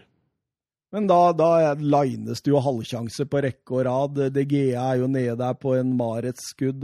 Kjempegod redning, forresten. Eh, og City kommer jo til en kjempekjanse også. Kevin De Brøne der som kommer til et innlegg. Eh, eh, fantastisk. Det, det, er så mange folk i boksen der, og Gundogan er vel det som står på bakerste. men det, det er jo så mye spillere inne i boksen. Jeg tror, tror Når det innlegget kom inn, så var det ni United-spillere inne i egen boks og seks City-spillere. Mm. men eh, det rir av. Um, så du Solskjær etter kampen og han kikka opp på Ferguson, eller? Mm, han øh, knytta neven opp på BIP-tribunen. Og Ferguson applauderte som en stolt far? Ja, du så det. Han var skikkelig stolt. Ja, ja. Han var ordentlig stolt. Det var artig å se på. Vi har noen Twitter-spørsmål angående kampen før vi tar de eh, beste spillerne for anledningen. Vi eh, skal bare finne dem fram her. Det var vel Jørgen som skriver at denne sykkelturen begynner å se faretruende realistisk ut, Thomas. Kjøpt deg sykkel, vaselin og skinkeputer. Hva er skinkeputer? Aner ikke. Det er vel pute du har på skinka, da? Ja, ok, for å gjøre sykkelturen mer behagelig? Ja. ja. Nei, jeg har ikke gått inn og innkjøpa noe sånt enda, sier Jørgen. Nei. Jeg eh, har fortsatt Men Vaselin, Vaselin har du? Vaselin har jeg med masse av. det kommer jo godt med uansett. Jeg er sponsa av Vazelin. uh, nei, men Helt seriøst, liksom. Jeg tror fortsatt han får fyken. Tror du, Mats? Uh, ja, jeg tror egentlig det. Men jeg tror de neste fire-fem kampene avgjør. Ja. fordi nå har de en voldsom boost. De har en forholdsvis enkel match nå mot AS Alkmaar. Den betyr ingenting. Jeg tror ikke det har noe å si om de vinner eller taper. De er jo uansett videre i Europa League. Eh, så kommer jo Everton hjemme, og så er det Colchester hjemme i ligacup-kvartfinalen. Vinner de den, så er de jo i semifinalen i ligacupen. Og så er det jo enkle kamper egentlig helt fram til Arsenal borte. Men de enkle er ikke enkle for meg. Nei, det er akkurat det jeg skulle fram til. Altså, I de kampene, så hvis United viser at de har tatt steg, og viser fremgang i de enkle kampene, så tror jeg nok, hvis Solskjær nå sitter med 30 poeng til nyttår Da må jeg sykle. Da kan det fort hende at ja. du må Jeg også tror vi har svaret i februar. Jeg tror ikke de sparker den fra februar og ut. Nei, skal, da skal det i så fall en ordentlig dårlig periode til altså, mm. før, han, eh, før, han, da må gå. Men hvis det da skulle ende opp med en ligacupfinale, da, eh, og kanskje de også går videre to runder i FA-cupen, eh, så, så, kan også mye være gjort. da. Eh, ja, så Jørgen, eh, jeg kjøper meg sykkel og sånt eventuelt i februar. eh, Sigbjørn Fatnes Bø kommer også med en her. Er dette det optimale tidspunktet å sparke en trener på?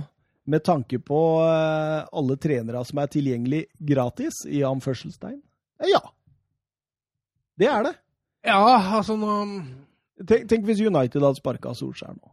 Ja, altså Med tanke på hvem som er free ja. market. Ja. Og så får de Pochettino. Pochettino er sikkert interessert i den jobben, han. Ja, men hvem andre, hvor mange andre enn Pochettino er ledig? Good evening. Ja, men Som kan trene United? Eh, Allegri. Ja, ja, jo, kanskje. Angelotti tror jeg ja, han er ikke ledig ennå. Eh, ja, men det er rett rundt hjørnet, vet du. Han vant i dag.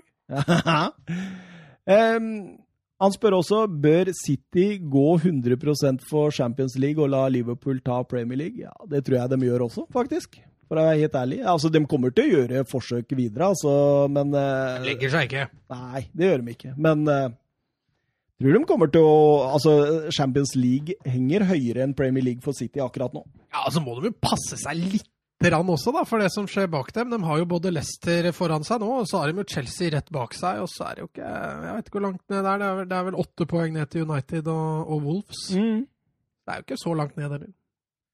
Eh, skal vi ta banens eh, beste mann? Skal du begynne, Søren? Ja, jeg kan det. Jeg har Marcus Rashford som banens beste.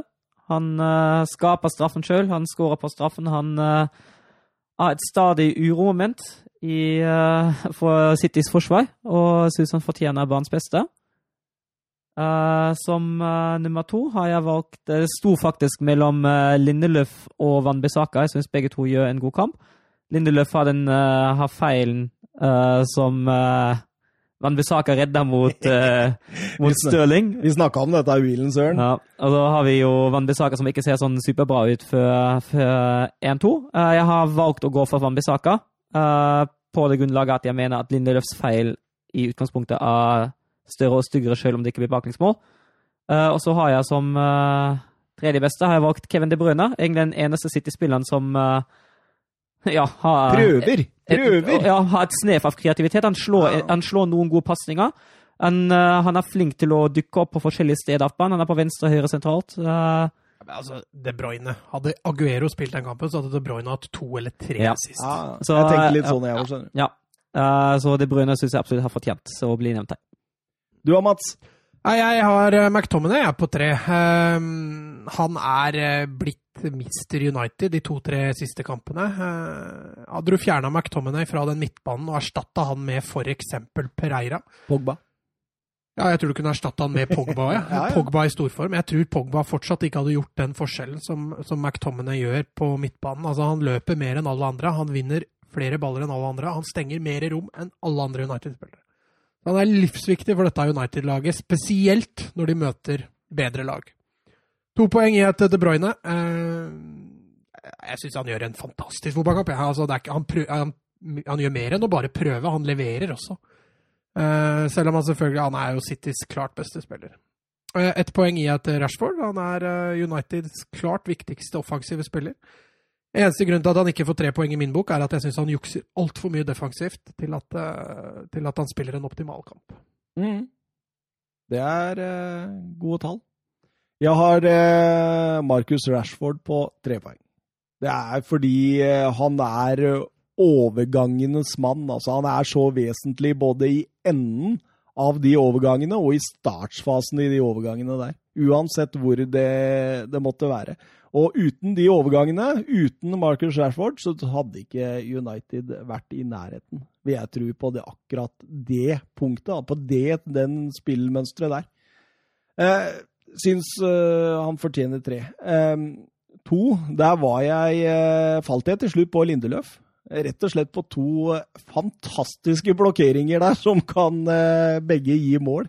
Eh, Syns han også står bra i boks. Han er brukbar med beina, han er flink til å sette i gang. Eh, han leser spillet bra. Han eh, gjør at eh, Jesus og eh, Stirling eh, får en tung kamp. Eh, eh, Ett poeng er Kevin De Brøne. Eh, skal sies at jeg også vurderte Kyle Walker, og jeg vurderte Scott McTomney. Men falt på Kevin De Brøne. Jeg syns ikke han var så god som det du vil ha det til. Eh, syns på en måte at eh, han blei litt sånn ha, Sånn Kevin De Brøne-opplegg, at han blir litt oppgitt. Og så faller han litt ut av det noen ganger. Jo, men, men eh, altså det, når du ser på De Bruyne altså Han spiller jo nesten ikke bort ballen. Jeg tror han, han treffer jo på i hvert fall ni av ti ja. pasninger. Og, han- og, og det er ikke bare støttepasninger. Det er jo innlegg, crossere, gjennombruddspasninger. Fantastisk når han kommer inn i det mellomrommet og så kan prikke de innleggene Ja, bak Ja. forsvaret. Og det, altså, Jesus hadde Jesus vært litt på jobb i den kampen, så hadde han skåra to mål på nesten ferdigskåra fra De Bruyne der, så De Bruyne er jo den eneste som leverer til ståkarakter offensivt, egentlig. Ja. jeg, før sending her eh, så lova jeg Søren at vi skulle være litt raskere gjennom 0-0-kamper. Og når vi går til La Liga da, så er den første kampen jeg eh, ser eh, via Real mot Atletico Madrid, og det ble 0-0. Jeg fikk en, et bilde av deg på fredagskvelden, eh, Mats, eh, hvor du sendte bilde av at du var klar. Du var klar for match. Ja, jeg gleder meg alltid til La Liga, Atletico Madrid. Ikke noe nytt der å melde. De sliter fortsatt foran mål. Litt heldige også, som ikke slipper inn mål. En god Jan Oblak. Ingen typisk 0-0-kamp, egentlig. Atletico Madrid kunne, kunne fint ha skåra, det kunne Villarreal også, så At det ender uavgjort der, er vel, er vel greit. Jeg leste Jeg har ikke sett kampen sjøl, skjønner du. Eh, Det gadd jeg jo selvfølgelig ikke når jeg kom hjem der eh, fredag klokka halv ett, eller hva jeg gjorde, og så det var 0-0. Da ser jeg Inter uh, isteden, tenkte jeg. 0-0 der også. Da ble det en fotballfri fredag for min del.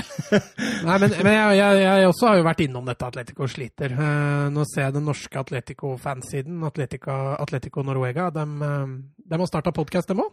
Mm. Så jeg sendte jo inn et spørsmål. Jeg spurte på hva mener dere om det offensive til Atletico, for det mangler jo ikke på sjanser. Ja. Eh, de konkluderte med at de klarte ikke å finne noe godt svar. Eh, de ville heller kjøpe en ny spiss. Ja, OK. Så de argumenterte litt for hvem, vi, vi er der, vi. hvem spiss vil de kjøpe. Eh, og da sto det jo hadde jo flere valg. da, så var Rodrigo var de inne på, de var inne på Cavani, som er rykta. Eh, men de, jeg tror kanskje de var enige om at Erling Braut Haaland var det, var det beste valget. og Det er jeg for så vidt helt enig i. Jeg tror Haaland hadde passa perfekt i det Atletico-laget. Nesten sjokkert her nå, jeg. Altså. Hæ? Rodrigo Ja, jeg veit han har vært linka, men han tilfører jo ikke Nei, der er jeg helt enig med deg. Det er nesten bedre med Cavani. Ja, men Eh, Ka- Cavani ja. hadde vært den av de tre. Hvis, hadde, hvis man hadde tenkt på å løse den umiddelbare krisa i form av spisser som ikke skårer, så er Cavani den rette. Ikke Haaland. Haaland på sikt, ja, men ikke nå. Men Haaland er jo en målskårer. jo, men, Han har mye tapping goals og Jo, enkle skåringer. men du, tror du han får 20 pluss i La Liga hvis han kommer neste år? Nei, det er, det er ikke så altså, lett å få han det Han viste i dag at det er forskjell på østerriksk eh, klubbfotball og eh, å møte Liverpool og gjengen, altså. han hadde en tapping goal på Anfield. Ja, han hadde jo det. Men uh, likevel. Jeg har ikke noe tro på at han er 20 pluss allerede nå. 20 pluss om et par-tre år, kanskje, men ikke nå. Det har jeg ingen tro på. Har du, Søren? Nei. Nei, takk. Vær så god. Men uh, Oblak, uh, han dro en Atletico-rekord, han, Mats. Har du fått med deg den? Nei. Nei, altså Oblak er den keeperen i Atletico sin hele La Liga-historie som har flest clean shit. Ja, flest er smultringer, ja. ja. Ja, Gikk forbi Abel eh, Resino nå, som eh, vokta buret til Atletico fra 86 til 95. Ja. Så det Kudos til han. Sterkt. Eh, vi rusler rett og slett videre til Real Madrid eh, Español. Ja. Eh, 2-0 til Real Madrid. Eh, Varan eh, 1-0 og Benzema 2-0. Eh, men de fikk et rødt kort på slutten der.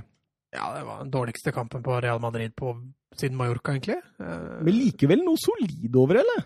Ja, altså Español, altså jeg så, så godeste Sid Love tvitra at dette, var- dette Español-laget her var fryktelig ræva. og det, det er vanskelig å være uenig i det, men, men det Español gjør veldig bra i den matchen der, er jo å, å, hva skal vi si, desarmere Real Madrid. Altså, de kler jo av Real Madrid defensivt. Real Madrid skaper Altså andre ganger skaper de veldig lite. Mm. Eh, og det er mye pga. Spanjol sin ødeleggende stil. Uh, så dette Pablo Machin-prosjektet Jeg fikk litt mer trua på det, selv om jeg ser jo selvfølgelig at Spanjol skaper jo ikke en puck, altså. Nei, det, det, De ofrer alt offensivt for å Ja. begrense tapet, rett og slett. og det er vel litt av det jeg mener med at det så veldig solid ut, selv om det ikke fyrte på alle pluggene for Real Madrid også. Nei, altså Spanjol gjør en veldig god kamp i å ødelegge for Real Madrid. Eh, så er det klart det er et kjempestyrketegn for Real Madrid sin del at de allikevel, hvis vi sier i gåseøyne, da, enkelt vinner 2-0, selv om de på ingen måte imponerer. Og, men de imponerer jo minst alle. Men har vi sett eh, Benzema bedre enn eh, nå?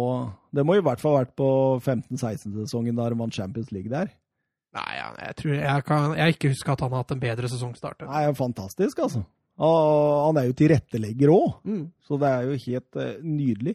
Eh, ja, hva, hva tenker du? De neste kampene til Real Madrid nå, det blir jo, eh, det blir jo storoppgjør eh, om et par eh, runder. Ja, det blir Altså, Real Madrid har en, har en litt altså, Ikke tøff, men altså, de har en litt kronglete vei nå. De har Klubb Brygge nå i morgen, da, i Champions League, og så borte. Og så har de bortekamp mot Valencia nå til helga, og så har de bortekamp mot Barcelona i i midtuka etter det igjen, El Clásico, så avslutter de da eh, høst, eh, høstsesongen med Atletic Bilbao hjemme. Så det er, en, det er en tøff periode nå, så vi får se. Det blir spennende å se hva Real Madrid eh, kan komme med. Har Varan tatt steget nå til å bli en av verdens beste stoppere? Ja, altså, jeg synes han, i likhet med resten av Real Madrid har levert uh, veldig, veldig solid. eh. Men jeg syns liksom ikke han har vært noe sånn wow i år kontra hva han var i fjor. Det syns jeg jo ikke. Jeg syns han Altså eh, da, Tidligere så har det jo vært eh, ganske klart i denne podkasten at jeg er ikke Carvahals største fan.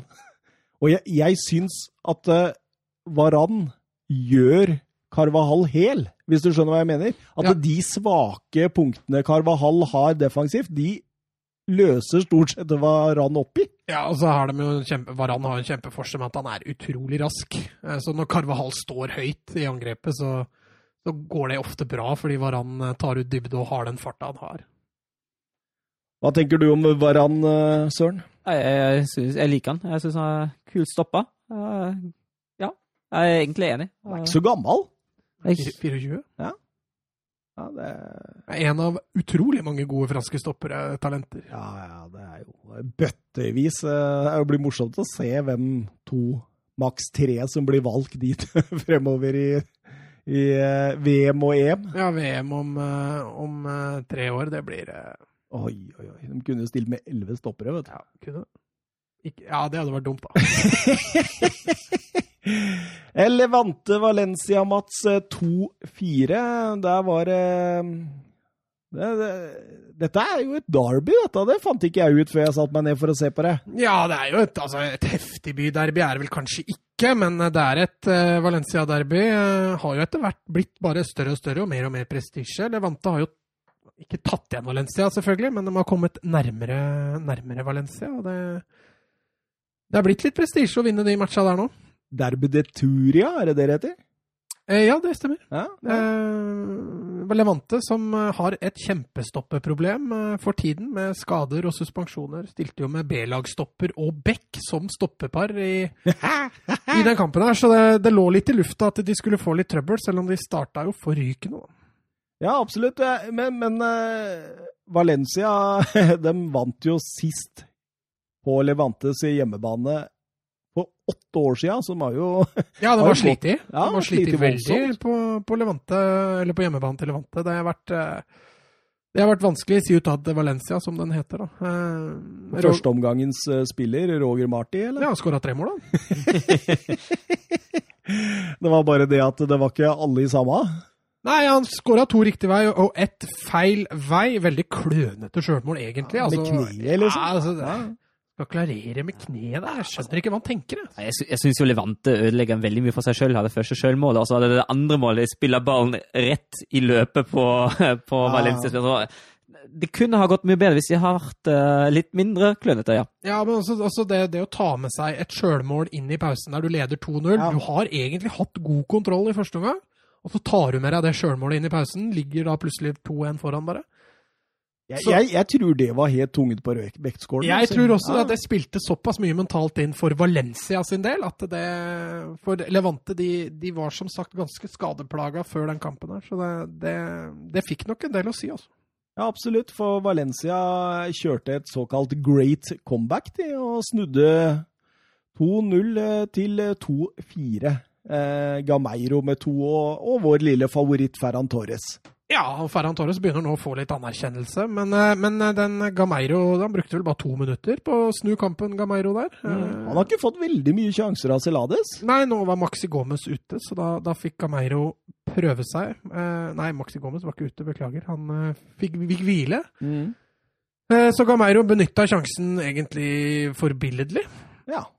Så da er det bare å selge Rodrigo til, eh, til Atletico Madrid, da. Ja, men du ser hvor viktig Rodrigo faktisk er i den kampen her. Men er Jeg syns han er oppskrytt, ass. Jo, at, det- at det er toppspissen på spanske landslaget, det sier litt hvor problemer de har med akkurat den rollen her. Altså. Jo, men altså, i forhold til det å kunne skape ting, så syns jeg Rodrigo innfrir ganske mye. Men at han er den opplagte målskåreren, så er jeg helt enig med deg. Der er- har han ikke tre mål eller noe sånt? Jo, men det er det jeg sier, som Ja. en sånn opplagt målskårer. Men så mye oppmerksomhet som han får i matchene, og det, og det faktum at han er tilrettelegger, har to assist i den kampen her, det, han blir jo nesten eh, Hva skal vi si? Han blir, eh, blir uunnværlig for Valencia offensivt.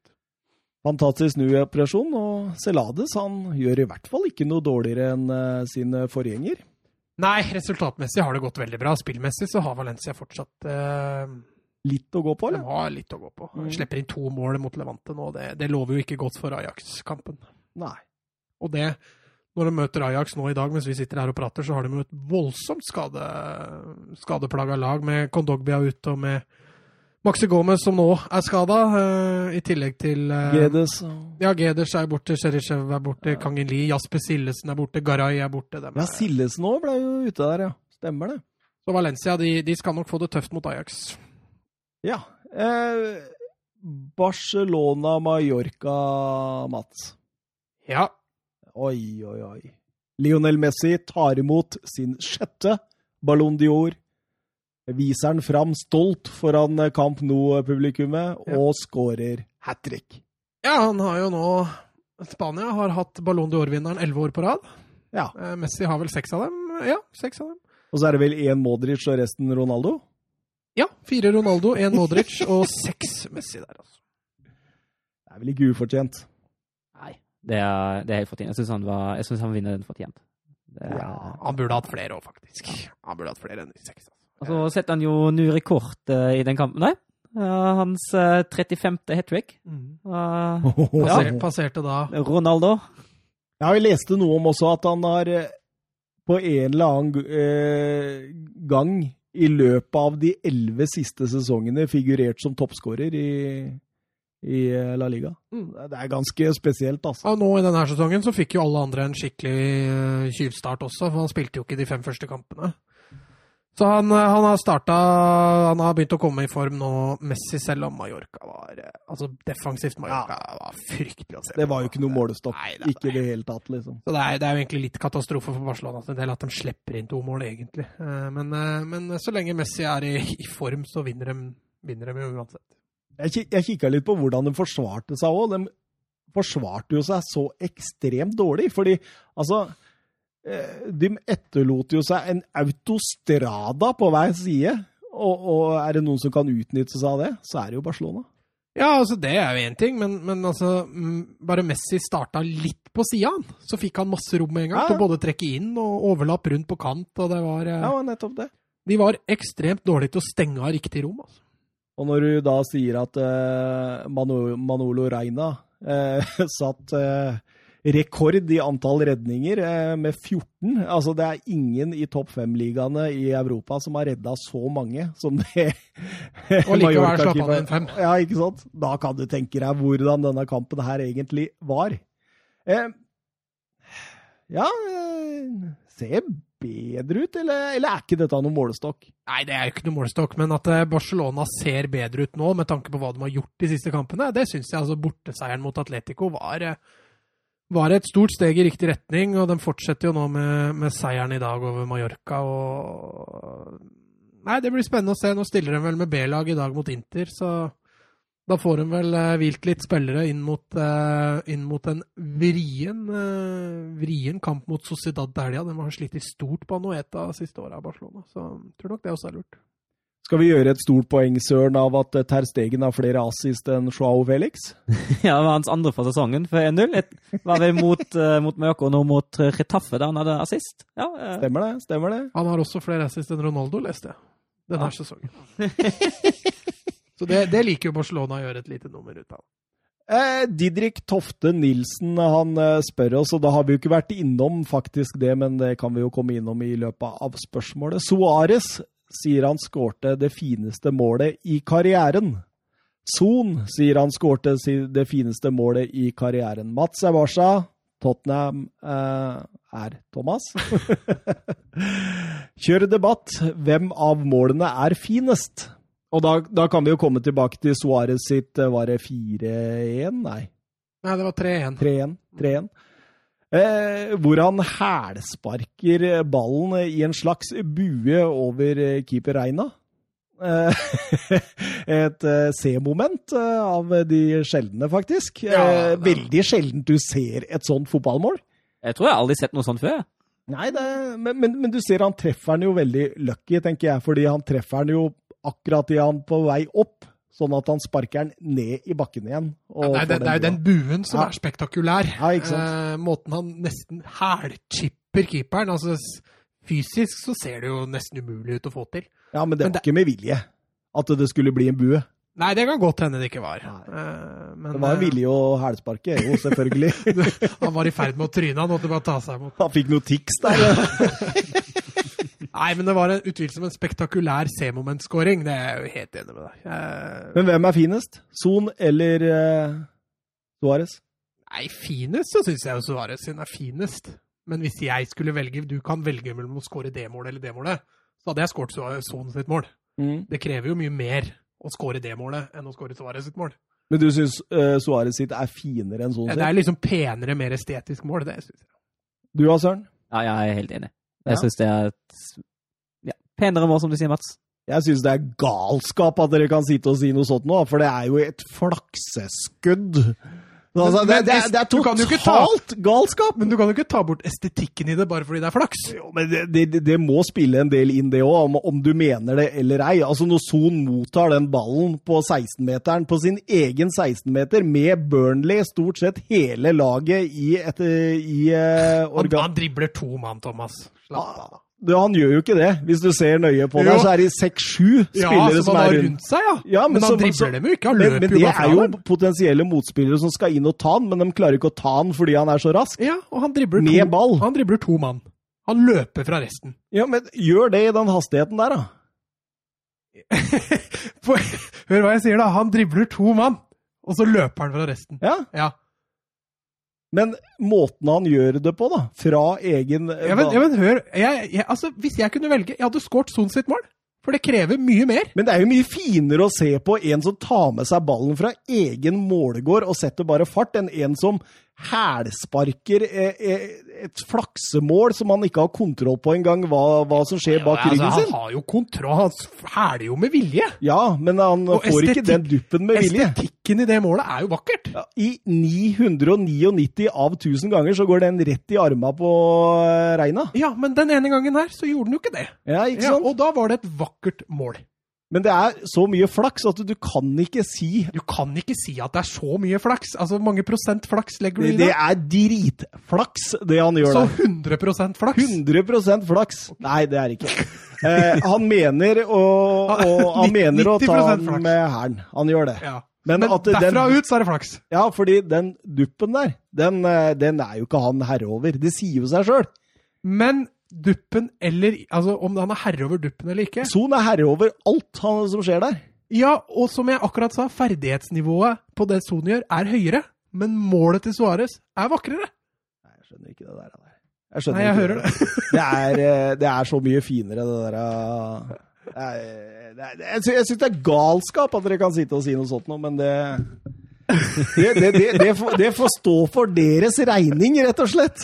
Kommer det Twitter- kommer noen Twitter-greier Ja, etterpå? det, det gjør det, altså. Vi Hvilket skal- vi skal- mål? Men det- da må du ordlegge, ordlegge deg riktig. Jeg skal bare skrive rett og, grei, rett og slett Hvem, hvilket mål var finest? Son sin? Nei, skriv vakrest. Skriv vakrest. Jo Samme faen, vakrest finest, er det ikke det? Son sin mot Burnley, eller Suárez sin mot Mallorca. Enkelt og greit, så lar vi lytterne våre bestemme over den. Hadde ikke du en sånn Twitter-poll på hvem som trodde hvem måtte sykle til sommeren? da? Jo, det er, Og jeg, jeg, hvem, hvem vinner der? jeg, jeg fant ut at det var 90% sikkerhet at jeg sykler, ifølge Enten med deg eller uten deg, men eh, Jeg så i hvert fall at det var så mange som hadde troa på at Mourinho skulle vinne nå i år, og det er jo hyggelig. Nei, det Nei, skal ikke snakke dritt om våre lyttere. Men han vinner FA-cupen. Du, du er med på den sykkelturen, altså, hvis det skjer. Eh, Real eh, Valladolid eh, Ta med Betis bare kjapt, da. Ja, du tenker Kjapt. på Joaquin? Ja. Joaquin. Ja. 38 år, hat trick. Mm. Tidenes eldste hat trick-målskårer. Ja. Og han gjør det på 20 minutter. Eh, vi hylla jo Adoris eh, i første serierunde, så da føler jeg det er på sin plass å ta med Joaquin, i hvert fall bare som en sånn liten anekdote. der. Ja, absolutt. Eh, Vi har jo snakka om den tidligere òg. Ja da, for all del, men uh, den prestasjonen på de 20 minuttene mot det, det laget som da, som vi var inne på tidligere, har holdt nullen mest ganger i Europa i år, det, det er sterkt. Mm. Eh, det, Det er ikke for seint, Thomas. Det var vel en annen podkast jeg hørte noe sånn om, det var ganske artig. De, de sa det at, at, uh, at det blir veldig haussa opp da når Joaquin gjør det han gjør, skårer hat trick, mens Messi har gjort det 35 ganger, liksom. Så, så det som er høydepunktet hans i karrieren, da, det er en vanlig lørdag for Messi. Ja, men, men du kan jo nesten sammenligne hvem som helst, og så kan du si nesten det samme Ja da, med Messi. Eh, Joaquin er jo ikke en samme type spiller, og let's face it, jeg tror ikke Messi skårer hat trick på dagsbasis når han er 38 heller. Og spiller for, eh, Og spiller for Real Betis. Betis. Real Valladolid mot Real Sociedad. eh, Nok en 0-0-kamp. eh, Har nødt til å knekke på Soria, det Valladolid-laget. Ja, definitivt. Og Sociedad de fant ikke ut av det. Eh, Ødegaard ble pakka godt inn. Ja, de hadde tatt hensyn til. Det så nesten litt sånn ut. Ødegaard fikk ikke briljere, hadde vel en eh, strøken langpasning og en lite dribleraid. Bortsett fra det så, så var det ikke så veldig mye skapende Ødegaard fikk til. Nei, slo et par helt ålreite dødballer der. Han, eh, Lenormand han hadde vel en eh, stor sjanse på en corner der, eller så Ja, Hadde han jo et par ålreite på. Det var en kjedelig fotballkamp, altså. Det var en skikkelig kjedelig fotballkamp. Du så han på grunn av Ødegaard, øh, og ikke så mye mer enn det, egentlig. Nei. Eh, Men jeg må jo Det jo er si jo klart det er Den skaper jo noen sjanser utover i annen omgang. Der William José får en stor en, eh, og Yesabal ja, Alexander Isak. Ja, for ikke snakke om Ja, Sandro fikk jo en annullert scoring. Ja. Endelig skårte Sandro mål! Det er snart fire år siden sist. Da. Ja, han hadde vel en her. Ja, da, det er Han har vel én i år, tror jeg. Men jeg overdriver det faktum at han skårer lite mål. Eh, Men han skåra, og det blei ble annullert. Og det skal sies at han var også aleine med keeper. Eller Sergi Guardiola var aleine med keeper og, og brant. Så Valladolid kunne også ha stukket av med alle poengene her. Ja, Vi gidder ikke å snakke så mye mer om den, egentlig, for det var eh, kjedelig. Og som jeg har lova Søren, så går vi raskt gjennom 0-0-kampene denne gangen. Eh, Søren ville ikke komme hjem klokka ett i natt, skjønner du. Nei. Han er god vei, da. eh, Osasuna Sevilla 1-1. Eh, gamle Barca-spilleren eh, El Hadadi eh, gjorde 0-1 til Sevilla. Mens eh, Sequel eh, Avila satte 1-1 eh, på tampen av første omgang, og det var kampens to eneste mål, Mats. Ja, Osasona er vriene å spille mot på hjemmebane. Sevilla har vært knallgode defensivt i år. Sluppet inn lite mål. Jeg sammenligna dem egentlig litt med det Simione dreiv med i starten, med disse 1-0-seira. Greide ikke å ri av den nå, selv om Osasona ble redusert til ti mann halvveis ut i andre omgang. Så, så sterkt av Osasona å få med seg det poenget etter å ligge under mot eh, Sevilla. Altså. Vi kan vel eh, trygt si at Joan Perez var eh, man of the match. Han var solid, men, men altså Osasona også kom jo til en del avslutninger, selv om de ikke treffer mål så ofte. så... Men jeg leste Joan Perez, han er trekeeperen, stemmer det? Han er i hvert fall andrekeeper. Eh, litt uavhengig av eh, hvem du vurderer på det Ja, men fordi plassen. når Ruben Martinez ble skadd, så var det jo Sergio Herrera som eh, sto i mål for dem. Og så Ja. blei jo han skadd òg. Mm. Og så kommer eh, denne Peres får prøve seg. Peres, eh, Men nå er han andre keeper. nå er han etter, andre etter den kampen. Ja. er han andre det, Han gjorde en fin audition, da.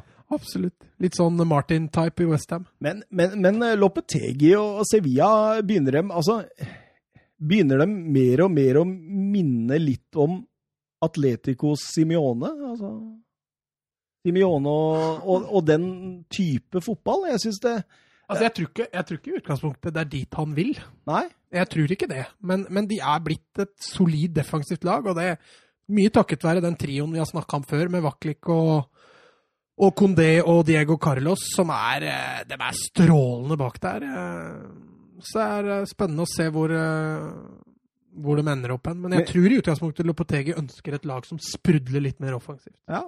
Men jeg, jeg syns liksom at de er litt avhengig av liksom at Ocampos skal liksom gjøre det et stor, eller at Juan og Jordan Så venter de fortsatt litt på Oliver Torres. Han har Ja. ikke slått helt gjennom, og i hvert fall Luke de Jong. Han har jo ikke slått helt gjennom. Så de venter fortsatt på litt det offensive Søren kaliberet. er, Søren er glad i Luke de Jong, skjønner du. Nei, Jo! Det er favoritten. absolutt ikke. Men en Wout Vegårs neste år i Sevilla, det hadde vært bra. Hadde du likt det? Nei, absolutt ikke heller. Jeg kan eh, i hvert fall ikke bytte Verfast mot de Jong. Det... Nei, nei, men du kan ta Chicharito, vet du. Nei. Hallo. Lopetegi anså dette som to tapte poeng, og det kan man jo forstå. Den burde jo ha vunnet dette her. Ja, de var det beste laget. Leder 1-0. Spiller halve andre omgang mot én mann mindre. Men Osasuna fighter bra og har, som du sier, en matchvinner bakerst. Da rusler vi eh, lettbeint over til der eh, gråse, og da veit jo søren hva Du ser jo smilet gå rundt her, vet du. Det gråse Bundesliga. Ja, ser godt. Ja, ja, ja, ja. Og der eh, begynner vi med Dortmunds eh, nedsabling av Fortuna Düsseldorf. Ja, Eh, storspill av Dortmund. Eh, Tok litt tid. ja, men jeg er fristet til å si ja, altså I kampen, tenker du, eller i sesongen, eller begge deler? Ja, begge deler. Egentlig begge deler. For jeg er fristet til å si endelig. Uh, Sprudla utover Eller hele matchen, egentlig. Og så spilte de med de der jubileumsdraktene. ja. Det var kult. De, de var ganske kule. Ja, altså, Men, men, men Favre kjører 3-4-3. altså. 3-4-3 igjen, ja. De tre siste kampene. Ja. Så har det, det, har, det har jo fungert nå, i hvert fall. Det ser ut som at, eh, at, det, gjør det ganske, at, det, går, at det går ganske greit. Eh, så må jo sies at Düsseldorf, akkurat som Mallorca med Barcelona, var Düsseldorf ikke noe målestokk den, eh, denne lørdagen. De, de Skapte dem en sjanse. Nei, Nei, ikke noe det særlig. gjorde altså. Altså Jeg så de hadde, eller jeg leste på Stat at de hadde to avslutninger, ingen på mål. Men jeg, jeg kan ikke huske at det var en eneste sjanse. Nei, ikke jeg heller. Altså, altså gir de jo opp, uh, gir de opp senest etter 2-0, egentlig. Da er de jo, da er de jo kjørt. Da, Ja, for når de først skårer Dortmund, Ja. da, er, da er det gjort. Ja, da har de gjort. Da, da, da rakner det helt for Düsseldorf. Han, eh, Også i denne formasjonen så får han plass til både Torgan Hazard, Julian Brandt, Sancho og Royce. Og Torgan Hazard han uh, skårer igjen, og så er han nå den mestskårende belgieren i Bundesliga. Gikk med 34, gikk forbi uh, Gjennom tidene, altså. gjennom tidene. Gikk Det er forbi, litt overraskende tall. ja, gikk forbi Emil Penza, som hadde 33 før. Åh, Emilie Pence. Ja, husker du han, eller? Ja, ja. Oi, oi. Er Schalke? Nei. Ja, Jo, Ja. Schalke. Hvor er han Ikke? Han spilte ikke han i Premier League? Også? Jo, han gikk til eh, Var det Huddersfield eller noe sånt? da? Nei. Nei, det var Mbenza. Ja. Ja, det var Mbenza, det. det. det skal jeg fader si. Ja, eh, men, men Royce eh, to mål, ett assist. Eh, Hazard ett mål, ett assist. Eh, Sancho to mål, ett assist. Og Brandt ligger bak der og styrer, og det var jo Altså, Funkel Han prøvde jo så alt han kunne liksom å, å stenge igjen i en 4-1-4-1, så jeg der, men det Ja, City, City var det. City var det. Stemmer det. Nei, det De, de har en leken dag. De uh, skaper, skaper De beveger seg smart. Uh, gode ferdigheter med barn, så da, da blir det vanskelig når, de, når du har fire såpass gode offensive spillere, og de faktisk uh, er i form alle fire den dagen. Da tror jeg flere lag hadde slitt, de også. Ja, jeg så på expected goals. Vet du hva Fortuna Düsseldorf hadde? Ja, det må ha vært 0,1. Ja, akkurat. Helt riktig. Ja. 0,1, faktisk. Det, det betyr at de måtte spilt ti kamper For å få for å få et mål i forhold til Herlig sammenligning, faktisk. Ti sånne kamper, så hadde de fortjent et mål. Ja.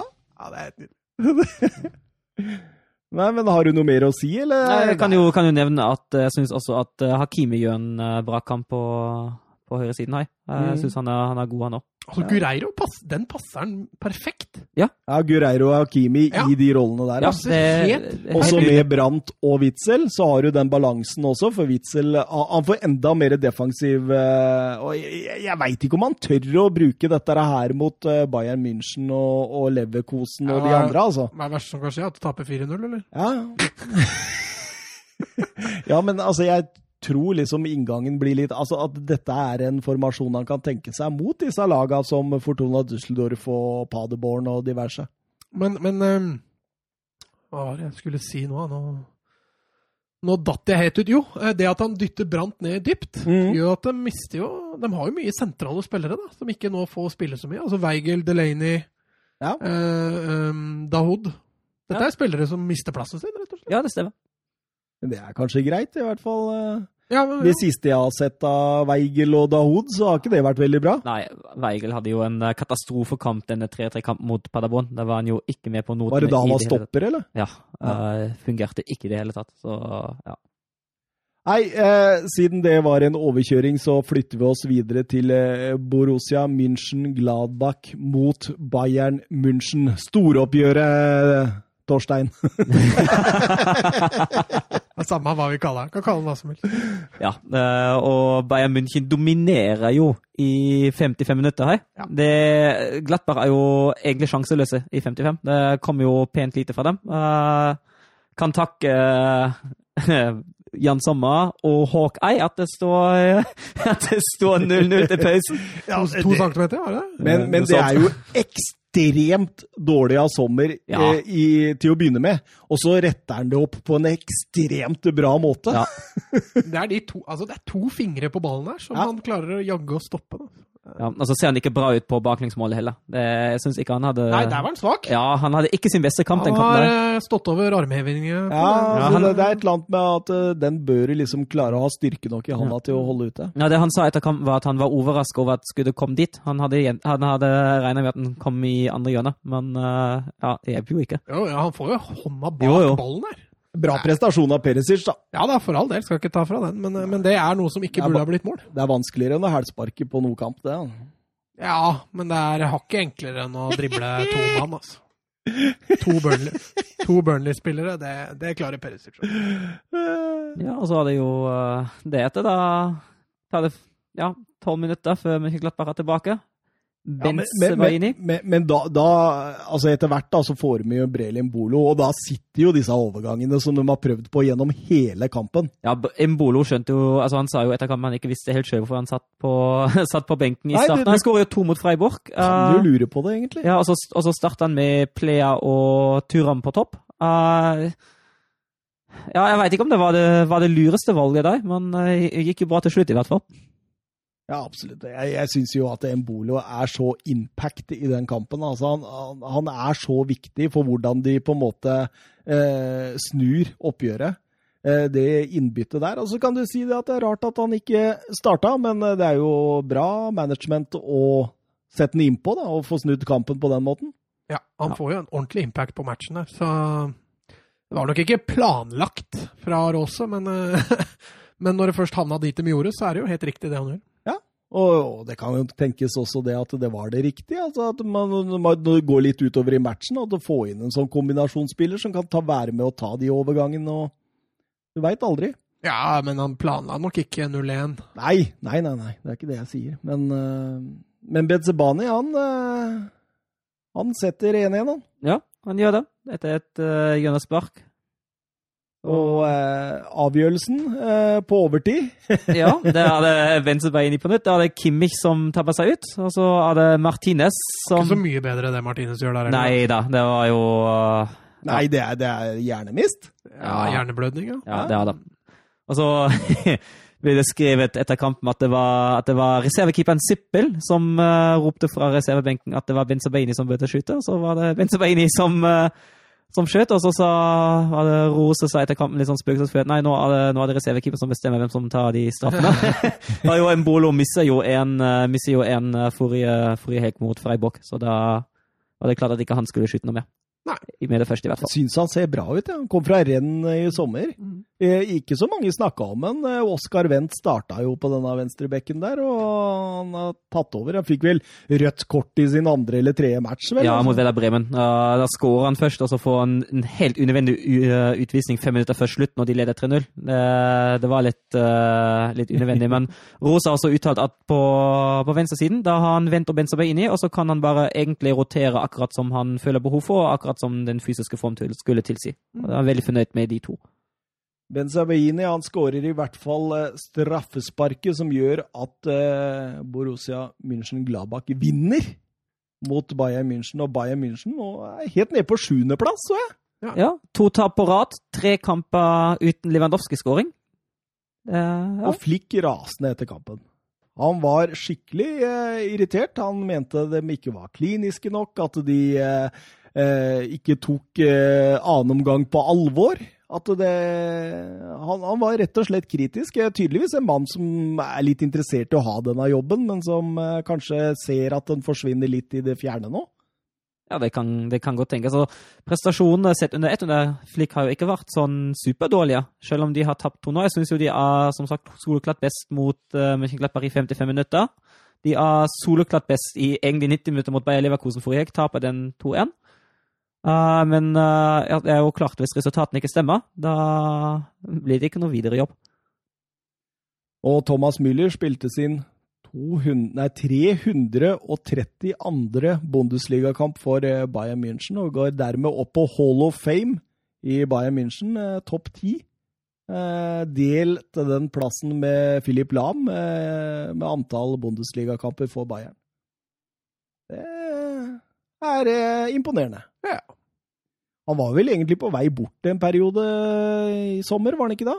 Ja, altså, Manchester United var vel inne i bildet. og Ja, og så var han jo, ble han jo ikke særlig brukt under Kovac, og så kom Kovac med en litt uheldig uttalelse etter at han ikke hadde starta i fem kamper. Så sa han ja, nei, når andre er skada, er jo Thomas fortsatt viktig. Og det falt ikke i særlig god jord hos Mulla, fordi det bekrefta egentlig bare at han var en reservespiller. Ja. Men, Men, Flikk, Flick, eh, bruker han mer nå. Men eh, altså Likevel ni assist og Jeg tror også Müller er viktig for garderoben. ja, Han er det, sånn humørspiller. ja, det tror jeg absolutt. Eh, Skaper mye med er sånn klovn. Ja, Jeg tror nok Thomas Müller er veldig verdsatt i Bayern-garderoben.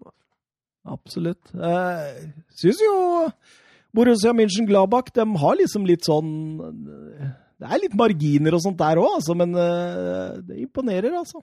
Ja, de, har jo, de leder jo fortsatt Bundesliga med ett poeng til Leipzig, men nå har de jo faktisk sju poeng ned til Bayern. Så mm. det begynner jo faktisk å bli en luke, som det er verdt å nevne. Ja, jeg tror kanskje Bayerns største problem er ikke de sju til Mönchengladbach, men kanskje heller de seks til Leipzig. Jeg tror, det, jeg tror det er det største problemet Bayern har akkurat nå. Ja. Ja, De har mange favoritter foran seg på tabellen nå, men det er kortere vei, selvfølgelig. da. Altså Dortmund og Schalke er kanskje Schalke ikke er helt store favoritten, men Leverkosten har jo begynt å imponere igjen. Eh, Etter at vi avskrev Peter Bosch, så har jo han begynt å levere. så... Men de har fortsatt Wolfsburg bak seg, da. Ja, det, det kommer også til å bli sånn resten av sesongen. Fordi eh, det var jo en glidende overgang det til Freiburg mot eh, Wolfsburg. Du skrev på Twitter, Søren, at Wolfsburg sliter voldsomt med angrepsspillet, og at man kan på en måte ikke se planen offensivt. Ja, og det står jeg ved. Eh, det var en horribel fotballkamp. Det var grusomme 90 minutter fra begge lag. Uh, Streich var veldig fornøyd etter kampen. Det, var, forresten hans 300. eh, offisielle kamp som Freiburg-trener, som er ganske imponerende tall, og holder seg såpass lenge i en så liten klubb. Da opp- og nedturer kommer mye oftere. Det, det er godt jobba. Eh, men han var fornøyd. Han roste spillerne sine og sa at det var bra at vi ikke tillot så mange sjanser. Og så var det jo Schmidt strømmeskåring. Men Wolfsburg har nå tapt fire av de siste fem kamper i Bundesliga. Har ikke skåra mål på fire av de siste seks. Etter Bremen-kampen var Glasner veldig misfornøyd. Uh, brukte den fulle treningsuka han nå, uten europaspill, uh, til å trene overganger, som er jo plan A.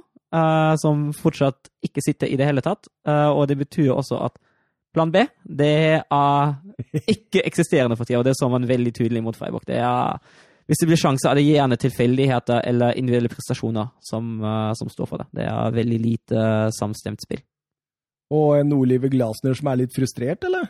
Ja, definitivt. Han, uh, han var frustrert etter kampen. Da sa han at, at spillerne bare gir alt når når situasjonen er virkelig prekær. Eh, og så kom han med Det er stikk. Tydelig kritikk av sitt eget lag på dagen etter, ikke engang i kampens emosjon. Eh, da sa han helt klart at eh, han hadde snakka om dette internt fire-fem ganger, eh, men at han er misfornøyd med mentaliteten, med innstillingen, at han nå framover ikke kommer til å akseptere det, og at han kommer til å se nøyaktig på hvilke spillere som, som følger ham, og hvilke ikke. Eh, jeg, Så det blir forandringer i førsteelveren, altså? det, det får vi se. um, altså, Men får han ikke noe respons, eller? På de beskjedene han jeg, gir? altså, jeg vet ikke, jeg vet ikke om, han, om han kanskje bomma der, fordi laget løper jo som Jeg tror de løper sjette mest i, i Bundesliga, og jeg ser heller et problem i, eh, i taktikken. Jeg vet ikke om det er mentalitet. Jeg vet ikke om det er så lurt å, å komme med den type kritikken mot egne spillere nå. Uh, det er fort gjort å miste garderoben her, altså. Det, Ja, men, men søren, jeg satte meg litt ned og så på Wolfsburg. Uh, måtte jo gjøre det. Og da, og da Jeg skrev ned noen notater her. Altså, over 50% av førsteelveren er opprinnelig forsvarsspillere. Altså, du har en sentral på midtbanen der, i Angilovogi. Du har bekkene, som er opprinnelig, altså egentlig bekker i et eh, firebeksforsvar. Og du har jo midtstoppere. Så det er seks forsvarsspillere på banen. Eh, den, den, den siste på midten da er jo Maximilian Arnold, som langt ifra er nok kreativ i det hele tatt til å, å, å ta den jobben der.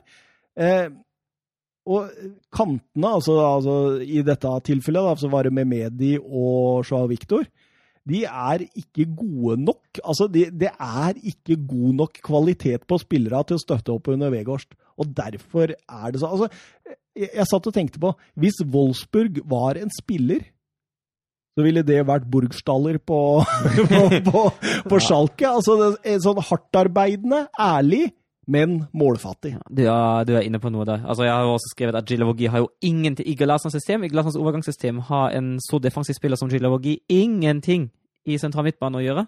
Da skal du sette enten en kreativ eller en overgangsspiller boks til boks, men han fikk jobben etter, etter at slaget var ute. Uh, helt uaktuelt å flytte ham åpenbart, så lenge slaget ikke er tilbake for, for fullt.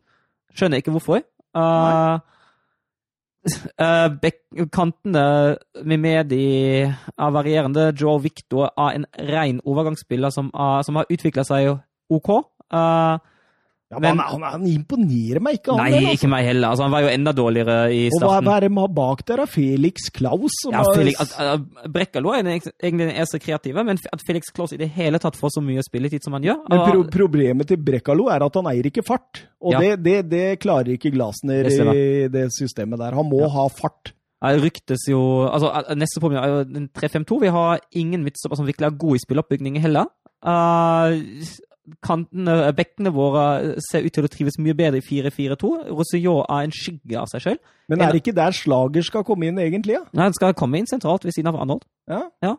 Men altså, Det er litt rart, det der Ja. greiene der. altså. nå ryktes det at han mot Saint-Étienne på torsdag skal spille 3-5-2. Ja. Men uh, ja, vi får se, da. ja, Men, jeg... men, men de har jo ti avslutninger i den kampen her, Wolfsburg. Men ingen er jo på mål. Nei, Så de skaper jo åpenbart skuddmuligheter. Ja, men det, altså, Det er er, lang- det er det er ikke muligheter, vet du. Det er, Nei, jeg sier ikke at det er sjanser, Nei. men de treffer jo ikke mål engang. Nei, nei. Da er det jo, da er det jo vanskelig å skåre. Men det Nei, er men ikke lett å treffe mål fra de posisjonene de fyrer av fra. Nei, det er akkurat det. Det er, det er vel to gode En Verhofsteding i første omgang, altså to gode sjanser mot, helt mot tampen, da, det var, og det var det hele. Det er, det, det er for dårlig, rett og slett. Og de neste tre kampene, det er Mönchenglattbach, eh, Schalke og Bayern. Så det, altså det, lukta, det lukta krise pakket inn i fin gavepapir under juletreet. her, altså. Men sist gang vi snakka om at det blir ikke mange poeng på Wolfsburg, så vant de jo neste kampen med en gang. Ja, det gjorde det. Mot, Gjorde det? eh, Ja, stemmer, stemmer det. det. Det var ganske overraskende òg, var det ikke det? Det var borteseier, jeg husker Den mot. Frankfurt. Ja, Ja, Frankfurt, ja, stemmer. Ja, til og med med en, eh, en omgang med en mann mindre, men uh, ja. Nei, det ser, det ser litt mørkt ut, også, særlig hvis, uh, hvis det nå også blir sånn at treneren eh, off offentlig slakter sitt eget lag på mentalitet. Uh, og det er, jo, det er jo et lag som faktisk blir rost en god del for mentaliteten sin uh, forrige sesong, uh, som nesten er helt det samme. Ja. Så eh, nei, altså, jeg veit ikke hvor han vil hen. Jeg veit ikke hvorfor han, hvorfor han gjør det. Jeg tror det er frustrasjon. Tror, han må jo ha spillere til systemet sitt, ikke sant? For Ja. det, det er jo det Ja. han ikke har. Ja, han har jo ikke spillere til det Nei, systemet altså, han spiller. altså er jo neste problem at uh, Schmatke, sportssjefen, han er jo så passiv på overgangsmarkedet. Nå har han sagt igjen uh, at nei, ja, nå, da trenger vi ikke noen flere spillere. Så uh, det, det utvikler seg i, i kraftig feil retning nå for tida. Kanskje vi- du burde sende den der talentlista til Wolfsburg, og så, og så kan de plukke ut noe ålreite der. For der finnes det noen kantspillere og noe offensiv midt som ville passa. Ja, det tror jeg òg. Eh, vi går videre, vi, og vi går videre til RB Leipzig mot Hoffenheim. RB Leipzig og Nagelsmann fortsetter det solide spillet. Eh, Hoffenheim en del ball, men det kunne se ut som en, det var en del av planen til Nagelsmann òg. Ja, det tror jeg. Og Leipzig, altså ifølge Kickers eh, statistikk, eh, skaper Leipzig hele 17 målsjanser i den kampen her. Og det, det er mye. Det er mye. Det er mye. Det er, det er ordentlig mye, og så blir det bare tre mål ut av det. Men uh, Timo Werner han uh, skåra sesongmålene nummer 14 og 15 den sesongen her i Bundesliga. Det er, jo, det er jo litt sånn påfallende også for Leipzig, altså hvor flinke de er til å få kampene dit de vil. Mm. For de er ikke noe sånn opplagt possession-lag. De overlater mye av ballspillet til motstandere, uansett om de heter Hoffenheim eller Bayern München. Og øh, når, Bayern, når de møter Bayern, så er det naturlig, og da får de spillet dit de vil. Men når de møter Hoffenheim, da, som de er så mye bedre enn, da, allikevel så får de, får de det dit de vil, selv om de overlater mye av spillet til Offenheim. Men, men, jeg- men jeg tror Nagelsmann er eh, enda mer opptatt av motstanderen enn gjennomsnittet av Mm. eh, trenere. Det er liksom det Emry-preget, liksom, uten å være så ekstrem, da. Ja, og da må det jo sies at denne motstanderen kjenner jo Nagelsmann veldig godt. Det er jo hans, eh, det er jo hans tidligere lag, og under, under Nagelsmann var jo Hoffenheim veldig, veldig bra med ball. Um, og Schreuder har jo, har jo uttalt at han ønsker å bygge videre på det, men å ikke være fullt så offensivt, legge seg litt ned. Eh, litt, litt dypere, i hvert fall. Eh, men jeg, jeg tror har veit uh, Nagelsmann veldig veldig godt hva motstanderlaget kan, og hva motstanderlaget ikke kan, siden han har så godt kjennskap til laget, og han spiller på det og treffer perfekt. Ja, det, jeg syns, syns de er, virker solide. Altså, det, jeg begynner nesten å se dem som en liten Bundesliga-favoritt, jeg. Til å ta, ta gullet, altså. Jeg gjør det. Det, Ja, det er jeg faktisk enig med deg. Akkurat nå, sånn ståa er akkurat nå, så Og Sabitzer, for en sesong han er i ferd med å levere! Ja, men den høyresida generelt til eh, Leipzig er, eh, den er klasse, faktisk. Klostermann bak, bak Sabitzer der, det er nydelig. Og så har din gode venn Thomas, eh, Patrick Schick, han har levert en, nazist nå, så Så han driver og får skikk på han, altså. Å, ja da. Eh, Leverkosen Schalke 2-1. Eh, Peter Bosch han eh, hvilte Kevin Vollan.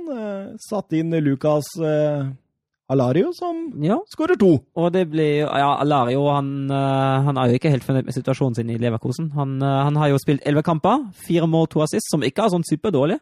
Han bare starta seks. Det var hans første start siden begynnelsen av november, og det ryktes kraftig at han ønsker seg bort fra Leverkosen. Eh, han har jo gjort comeback på det argentinske landslaget, og det er på en måte da han ønsker å holde seg òg. og han ser ganske få sjanser til det når han ikke spiller så mye i Leverkosen. Men Bailey fortsetter å få prøve å spille nå. Ja, han Ja, gjør det. han, eh, Han fortjener serverte det. en Han assist fikk en assist nå. Mm. Ja, jeg syns generelt Leverkosen leverer en uh, veldig god kamp her i første omgang. Det blir litt, eh, litt dårligere andre, men da står de godt imot. Slipper, ikke inn, slipper ikke til Schalke sånn supermye da heller. Nei, og jeg syns han eh, Amin Harit, som dere har snakka mye om i det siste, jeg syns han var veldig off, altså. Mm, men, Ja. eh, ja, men mye offensiv. Altså, Burgstaller, han skårte jo nok en gang ikke. Så Nei, han, Men- er, han er på sin tolvte, tolvte kamp uten mål, han. Men det må sies at eh, nå har Schalke fått i gang Benito Raman. Eh, han har begynt å skåre for tre kamper siden. altså Han skåret tre mål på tre kamper. Før hadde han null for Schalke. Og så har han hele fem målpoeng i de siste fire kampene, og det var også før de siste fem. Eh, før de siste fire var det også en null som sto der. Mm. Og han, uh, han vil jo komme i gang. Jeg syns han, uh, han ser pigg ut. Han skårer jo også et offside-mål. Uh, Og det er klart det at David Wagner han har jo gjort underverket med dette Schalke-laget, som har ligget med brukket rykk etter at Tedesco fikk fyken. Ja, vi eh, hadde dem jo litt lenger ned på tabellen, vi også. Så det ser m mer lovende ut enn det vi eh, Hvor er det vi hadde dem, forresten? Kan vi finne ut av det sånn uh, kort og greit, eller? Nei. Nei. Eh, Nei, jeg finner dem ikke. Nei? Jo, der, ja. Eh, Niendeplass. Ja, det er cirka der jeg også hadde tippa den første sesongen. Er enig i den vurderingen. Men det, det kan jo fort bli niendeplass, da.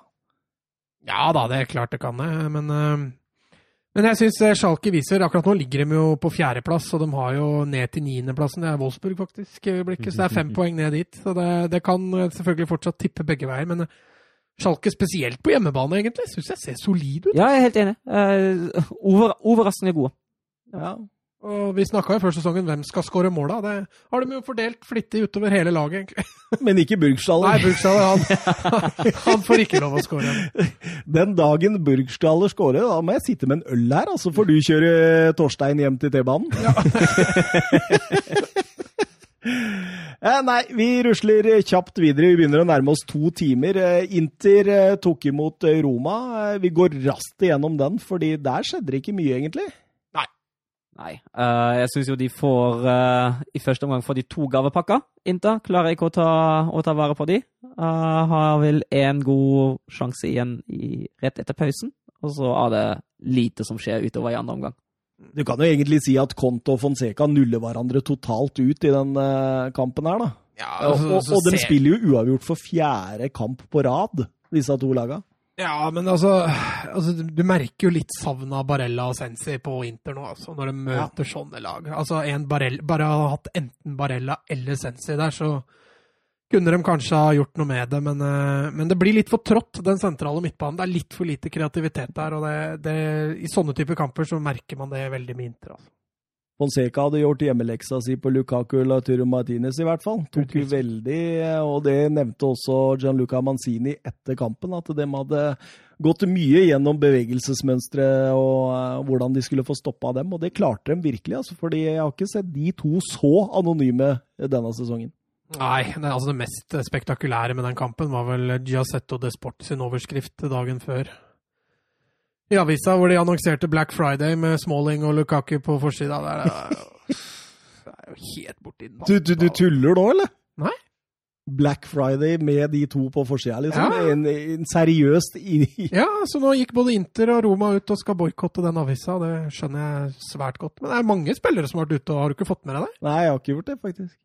Det er Altså, helt, det er jo helt skandale. Er det altså. rart det er rasisme, liksom? Altså, Det, når, det er jo helt vilt, egentlig. når en av de største sportsavisene i Italia bare plotter opp den overskriften Man tror det ikke, liksom. Nei, altså du, Er det det de virkelig mener? Ja, ja, uansett. Inter har eh, skåret i alle sine første 19 kamper under Conte. Stoppa på 20. Ja, det var vel egentlig kanskje den kampen det måtte skje i. Ja, tror kanskje det. Eh, Atalanta, Hellas Verona 3-2. Eh, Atalanta eh, fortsetter å levere mål. Det blir ikke kjedelig når du ser Atalanta, i hvert fall. Nei, det kan man si. Eh, Atalanta kommer under to ganger, men svarer to ganger før de avgjør fire minutter på overtid.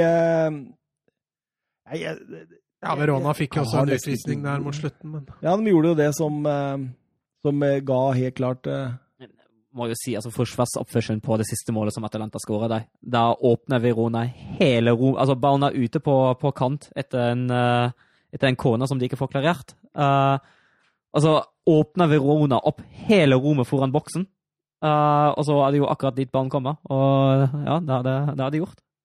Og, men jeg skjønner ikke hva de, hva de tenkte der. ja, absolutt. Ga- Gasperini da, var jo en eh, svært lykkelig mann etter kampen. Han bare eh, sa vel noe sånn som at eh, det er vanskelig å snurre én gang, men å snurre to ganger, Mm. det, det, det var eh, den gamle mannen eh, veldig fornøyd med. Jeg syns jeg Men det er et lag som har offensiv kapasitet til å skåre sånne, så er det jo Ja, men, men så er det jo, de har jo skader. altså Ilicic gikk vel ut eh, ganske tidlig nå.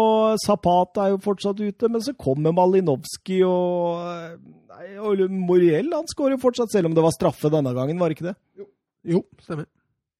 Eh, Ma Malinovskij er forresten den ellevte Atalanta-spilleren med Serie A-mål eh, denne sesongen. Det er ingen som har flere forskjellige målskårere i Serie A. Det sier jo seg sjøl. Men hvis jeg skulle tippa på et lag, så tror jeg jeg hadde tippa Atalanta, faktisk.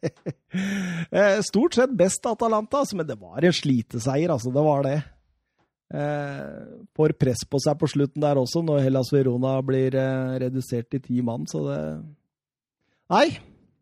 Eh, skal vi bare rusle videre til Udinese Napoli? Ja. Kevin Lasagna gjør 1-0. det er et nydelig navn. ja. Og Pjotr Pizza gjør Nei, det er bare tull.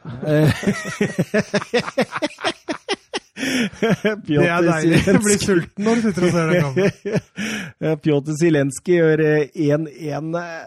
Selv ikke et Nese i svakt form gir Napoli tre poeng. Nå vant de i Champions League i kveld, da. Men det var Men, ikke eh, mot all verden motstand. Nei, men den kampen der, at Napoli ikke vinner Altså Den andre omgangen spesielt. altså De feier jo Udinese av banen, men de får jo bare ikke ballen i mål. Det, er, det er så trått i Napoli for tida. at Det er, det er litt samme som stemninga har med Arsenal. Altså Man syns jo nesten litt synd på det. Altså, og i hvert fall i en sånn kamp hvor de dominerer så fullstendig. Altså. Ja, og særlig i annen omgang der, Fabian Ruiz. For en match han leverer, altså. Han Ja. stepper opp, altså. Han uh, vil vinne den kampen og har et par langskudd der som uh, hadde fortjent bedre skjebner. Altså. Med Lorenzo Insigne, han, eh, er han litt ferdig med Napoli nå, eller? Jeg syns nesten det var en demonstrasjon i første omgang der. Da han var skikkelig off, altså. Skikkelig off. Jeg ble vel også tatt av.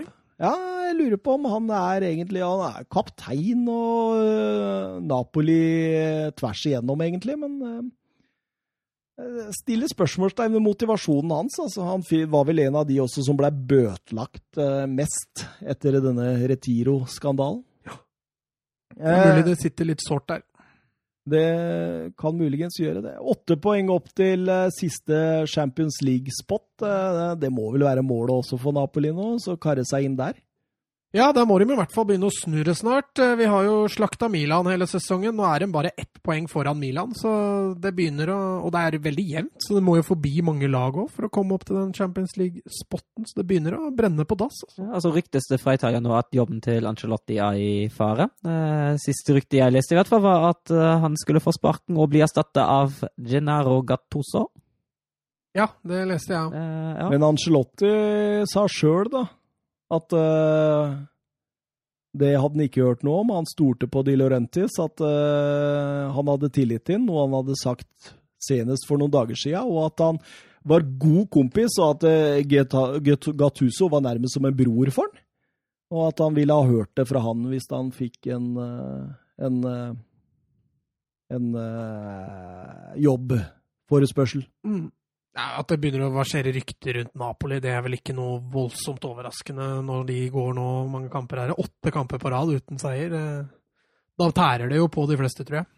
Jeg snubla over en Twitter-melding fra en, su en frustrert Napoli-supporter. Den var skrevet på italiensk. Jeg måtte bruke Fordi det var masse sånne kule emojis og sånn, så jeg måtte jo finne ut hva dette var. Jeg brukte Google oversettelse.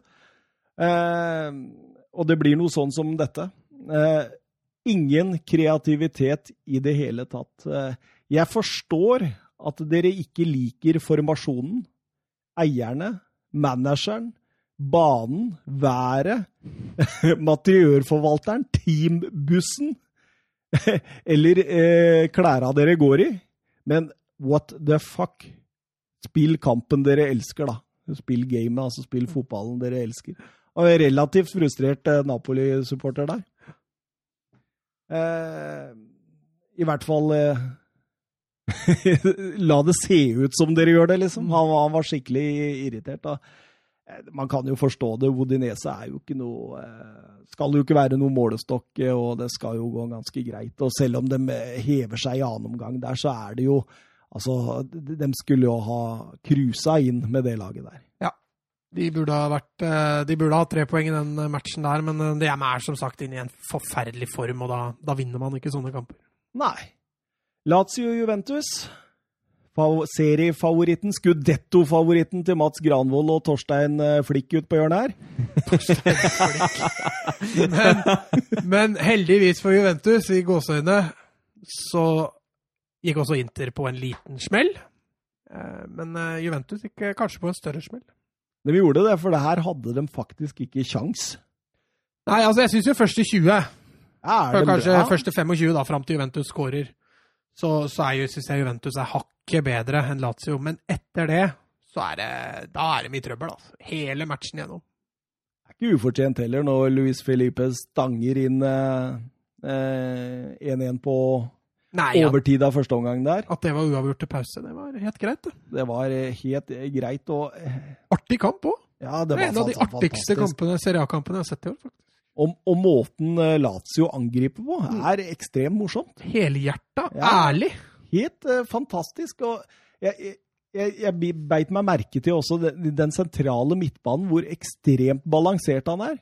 Med SMS eh, som hærfører eh, der, eh, med en Lucas Leiva som alltid holder igjen, og en eh, Luis Alberto som Han er jo en dirigent. Er han en av fotball-Europas mest undervurderte spillere? Utvilsomt. Utvilsomt. han-. Altså, han var, var Liverpool, hvor han floppa. Han var i Sevilla, klarte seg ikke der. Var i Barcelona, fikk ikke spille A-lagsfotball, spilte på B-laget. Så blomstrer han som bare av det, og er assistkongen i fotball-Europa. Ser ut til å trives ekstremt godt i hovedstaden i Italia. Altså. Ja, det er helt fantastisk. Og jeg, jeg syns han passer så godt til den, på en måte, skal vi kalle den femmeren eller treeren på midten, eh, alt ettersom. Eh, Vingbekka som kommer oppover der, og eh, Ziro Immobile, da, som er jo en konstant trussel. Nå bomma han jo på et straffespark her, da. Ja, og for en redning. En, en dobbel sådan fra Stenchny der, som uh, bare rett og slett en vegg. Altså. Ja, han, eh, ja, han hindrer jo egentlig et større tap for uh, Juventus der. Men, men uh, kampens prestasjon, det var nedtaket til Milenkovic-Savic. Altså. Ah. Altså, det, vi har ikke fått, dessverre fått muligheten til å prate om goalen til Deli Alli mot United, men det er i den klassen Ja, ja. der, altså. Absolutt. Fy flate for et første touch. Og da hadde, når jeg så det, så hadde jeg veldig lyst til å sende en SMS til deg. Ja, en, en Sergej Milenkovic-Savic. Eh, Det er første gang siden desember 2003 at Lazio vinner mot Juventus på Di Olympico. Da var det Roberto Manzini som var uh, trener. Jeg har også satt vel en sag i 90 minutter på benken, tror jeg. Ja, han gjorde det. Ja, tror det. Ja, for Simone Inzaghi, han, han, han, han får det til, han. ja, denne sesongen her blir, eh, kan bli bra, det. Eh, Vi hadde vel også et eh, Twitter-spørsmål. Jeg glemmer jo alle disse Twitter-spørsmåla, fordi når vi er ferdig med Premier League, så Så er podkasten egentlig ferdig, den. Men eh, Petter S var det vel som hadde et uh, Twitter-spørsmål der som gikk på Tror dere Lazio kan gi Inter og Juventus kamp om skudettoen? Godt organisert, balansert midtbane, målskårer på topp. Eh, Svaret på det er ja. Eh, Nå er det bare tre poeng opp til Juventus. Det er eh, fem poeng opp til Inter, så de er allerede i ryggen på dem. Men tror du ikke det vil falle litt? Jo, jeg tror det også. Ja. Men, men Inter og Juventus de har snubla litt nå, Og det gjør at Lazio har kommet seg opp. Så Men det er de to det står mellom. spennende å se hvor lenge Lazio holder følge. Mm. Ja, det er litt sånn jeg tenker òg. Hva med deg? eh? Ja, altså det er jo klart når det er et lag som vinner sju kamper på rad, og er der oppe, da skal man ikke avskrive dem. Men eh, jeg, tror, jeg tror ikke de klarer helt å, å holde det inn helt til slutt, ja. Eh, jeg, jeg tror ikke det. Eh, men Blir litt sånn Serie A's Lester. Ja, ja, kan være enig i det. Har en Vali på topp der, og Ja. offensive backer og god sentrallinje. Og henger liksom litt med, men du tar dem ikke helt på alvor. Det kan eh, fint stemme, det. Eh, Bologna mot eh, AC Milan 2-3. Eh, Milan vinner sin andre kamp på rad. Men det var så vidt, da. Bologna presser bra på slutten. Men alt i alt en fortjent seier, eller? Eh, ja. Milan har ikke vunnet to på rad siden de vant mot Brescia og Hellas Verona i det var vel månedsskiftet august-september, tror jeg. Eh, kampens snakkis var at Theo Hernandez går til mål, selvmål og forårsaker straffespark i en og samme match, og det er ifølge Oppda aldri skjedd i Serie A før. Nei, og i tillegg så kan han krone seg nå som toppskårer i Milan, eh, på delt førsteplass, så han, eh, han legger igjen et navn, han. Eh, Men nok en god si, 60-70 minutter av, av Milan der. Etter at Bologna får det straffesparket og setter 2-3, så, så blir de jo selvfølgelig pressa bakover. og Får en litt defensiv eh, tankegang der, eh, Milan. Men eh, nok en positiv kamp fra, fra Piolis menn. Begynner det å løsne nå, eller?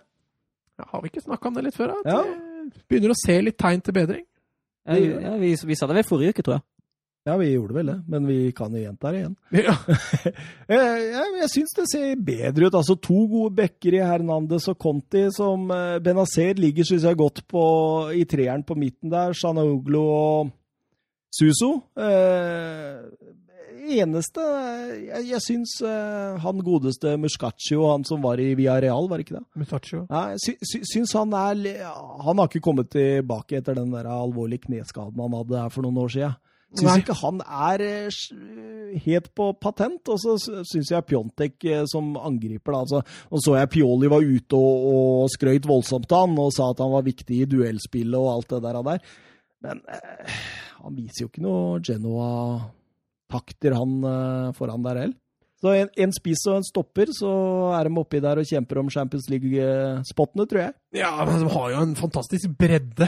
Altså Milan, altså De har ikke noen typiske enere, men altså Ante Rebic, Rafael, altså Castillo, eh, Paqueta, Ricardo Rodriguez altså Det sitter mye Mm. brukbare fotballspillere på benken i, i Milan også. Altså, så, Bonaventura har vært fantastisk i det siste nå. utvilsomt. Lucas Biglia satt vel, kom vel inn der i, i matchen, så, og Borini. Borini. Kan nevne Borini. i hvert fall. Jeg skulle gidde vi det, altså.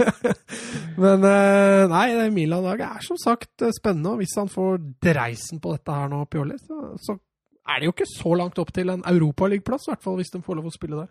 Milans tre neste er Sassolo hjemme, Atalanta borte og Sampdoria hjemme. Hvor mange poeng tror du du tar på de tre?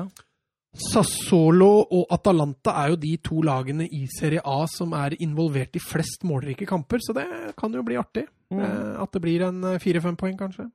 Ja. Syns man skal forvente seks, jeg. Nei, man kan det, ja. Synes jeg, altså, jeg, tror, jeg tror Atalanta blir vanskelig, men de to andre kan de vinne. Ja. Nei, to timer og ti minutter. Skal vi hoppe rett til eh, ukas talent, eller? Ja. Hvem har lyst til å begynne? Er det noen som melder seg fritt? Ja, jeg syns jeg sa Thomas Edvardsen ville begynne. Ok, jeg begynner. Eh, Mitt talent er- heter så mye som Sito André André André Re, Sebastiano Luvumbo. Har du hørt om den? Ja. Nei. Du hørte om den for eh, to timer siden? Ja. Eh, Født 9. mars 2002, er altså 17 år. Ble født i Luanda, som de fleste vet er hovedstaden i Angola. Luanda, som nylig har blitt kåra forresten til den eh, dyreste hovedstaden i verden. Visste dere det? Og eh, huser 5,5 millioner mennesker. Eh, I denne byen altså er Luvombo født og oppvokst, og klubben han spiller for er CD Primero di Agosto, som er en klubb i Angola. Eh, posisjon wing. Eh, Har du gravd dypt, altså? ja, men jeg, jeg, jeg har snubla godt over han der her. Og jeg, Ja, da har du, du har snubla skikkelig, faktisk, for å lande helt nede i Angola. Da har du tryna. men, men jeg syns det ser så bra ut at jeg bare måtte ha han med. Altså. Utviklingen av eh, fotballspillere i Angola har jo virkelig skutt i fart i det siste, og de har jo flere ganger eh, hevda seg både i eh, U17-VM, i Afrikamesterskapet, i, i aldersbestemte osv. Gjør seg ekstremt bemerka i Angola og angolsk fotball, og er så god at han har fått kamper i afrikanske versjonen av Champions League, og for det angolske A-landslaget, altså, som han blei eh, tatt opp til i september 2019, eh, da han spilte to VM-kvaliker mot Gambia. Eh, skapte en haug av sjanser faktisk i de kampene der, og var veldig positiv, som gjør at han sannsynligvis er blitt tatt opp for godt nå. Eh, han har ekstremfart. Han har en akselerasjon på Det er et herlig steg. En nydelig teknikk. eh, Litt sånn uforutsigbar. En ekstrem kontringsspiller. Gode eh, driblinger, tyngdeoverføringer. Se, ser rett og slett ut som en skikkelig moderne vingtype som kan gå begge veier. Han kan gå både innover og skyte, og han kan gå utover og servere inn. Eh, eh, veldig toveis, altså, med andre ord. Eh, gått gradene i eh, Angolas U-landslag, og tenk å, det å bare debutere på A-landslaget ditt som 17 år og 5 måneder gammel, da. det er jo nesten Ødegård-greie, det der. Eh, har blitt scoutet av eh, Barcelona, Westham og Manchester United i U17-VM. Og eh, det sies at Benfica, Sporting og Porto, alle laga der, ligger langflate etter den. Så Luvombo Se opp for han etter hvert. Han vil uh, ta Europa med storm, det er jeg nesten sikker på, altså hvis han fortsetter den utviklinga som han har. Kult. Takk.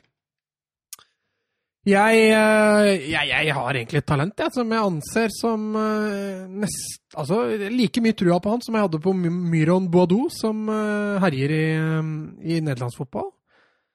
Tang, Tangai Kwasi, som spiller for, for PSG. Er midtstopper, er 1,87 høy, er en ganske bøff uh, stoppertype, men er samtidig ekstremt god med ball. Har allerede debutert i Ligue Ø denne sesongen for Paris Saint-Germain. Han har også spilt fire kamper, nei, unnskyld, to kamper i, i uh, Champions League Youth League, uh, og har allerede notert seg for to assist i de to kampene for, for PSG. Han er valgt å spille for Frankrike, men har også ivoriansk eh, pass, og har så langt eh, rukket å spille 33 U-landskamper for Frankrike i en alder av 17 år. Han spiller stopper, trives best da selvfølgelig som, eh, som høyre stopper, som høyrebeint, eh, så høyrebeint som han er. Eh, de ferdighetene som, som verdsettes mest med han, er ballkontrollen i forhold til fysikkens størrelse. Han, han virker veldig komplett som stopper. Flink til å spille opp bakfra. Eh, trygg med ballen i beina, har fysikken, har hurtigheten. Eh, jeg tror han kommer til å bli, bli klasse. Spennende. Deilig! Jeg hadde hørt om den, faktisk. Hæ? Da får jeg avslutte, jeg. Ja. Å, deilig, deilig. Jeg har Ja. hørt om din eh, Eller jeg hørte om din fra deg Ja. i, tidligere i dag. Han spurte om eh, Jeremy Ducou var eh, tatt, skjønner du. Ja, og da svarte du Ja. Mats har tatt den. vet. Nei, Ja. det var meg! Nei, Jo. det var meg! Hvor mye tør du å vedde? Ikke noe sykkeltur, i hvert fall. tør du å vedde? Nei, det gjør jeg ikke nå. Når du virker så sikker, så tar jeg ikke, men jeg var sikker på det var jeg som var Det var meg. Uansett, da måtte jeg finne en annen. Så da endte jeg med Adam Chlosek, eh, tsjekker, som er født 25.07.2002, så han er 17 år gammel. Eh, han trives som offensiv vinger eller som eh, spiss, uh, andre spiss uh, når han har en rundt seg.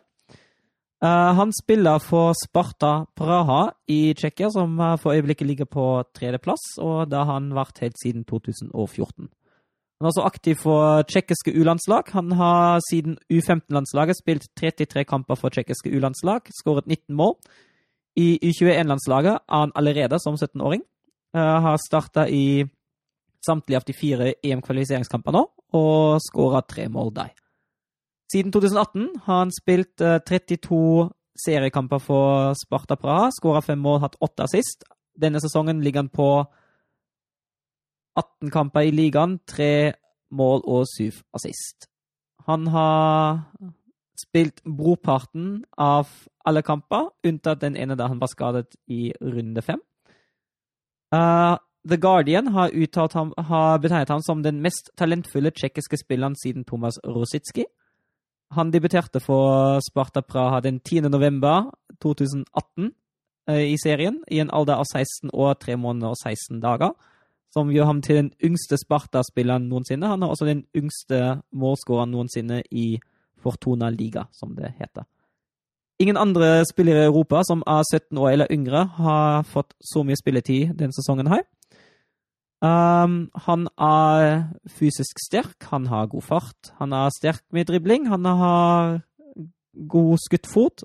Uh, ikke så dårlig med hodespillet heller, og visst, uh, ikke sånn dårlig pasningsfot heller. Han er egentlig en ganske komplett type, uh, men han uttaler sjøl at han er veldig misfornøyd med venstrefoten sin, så den skal han trene opp.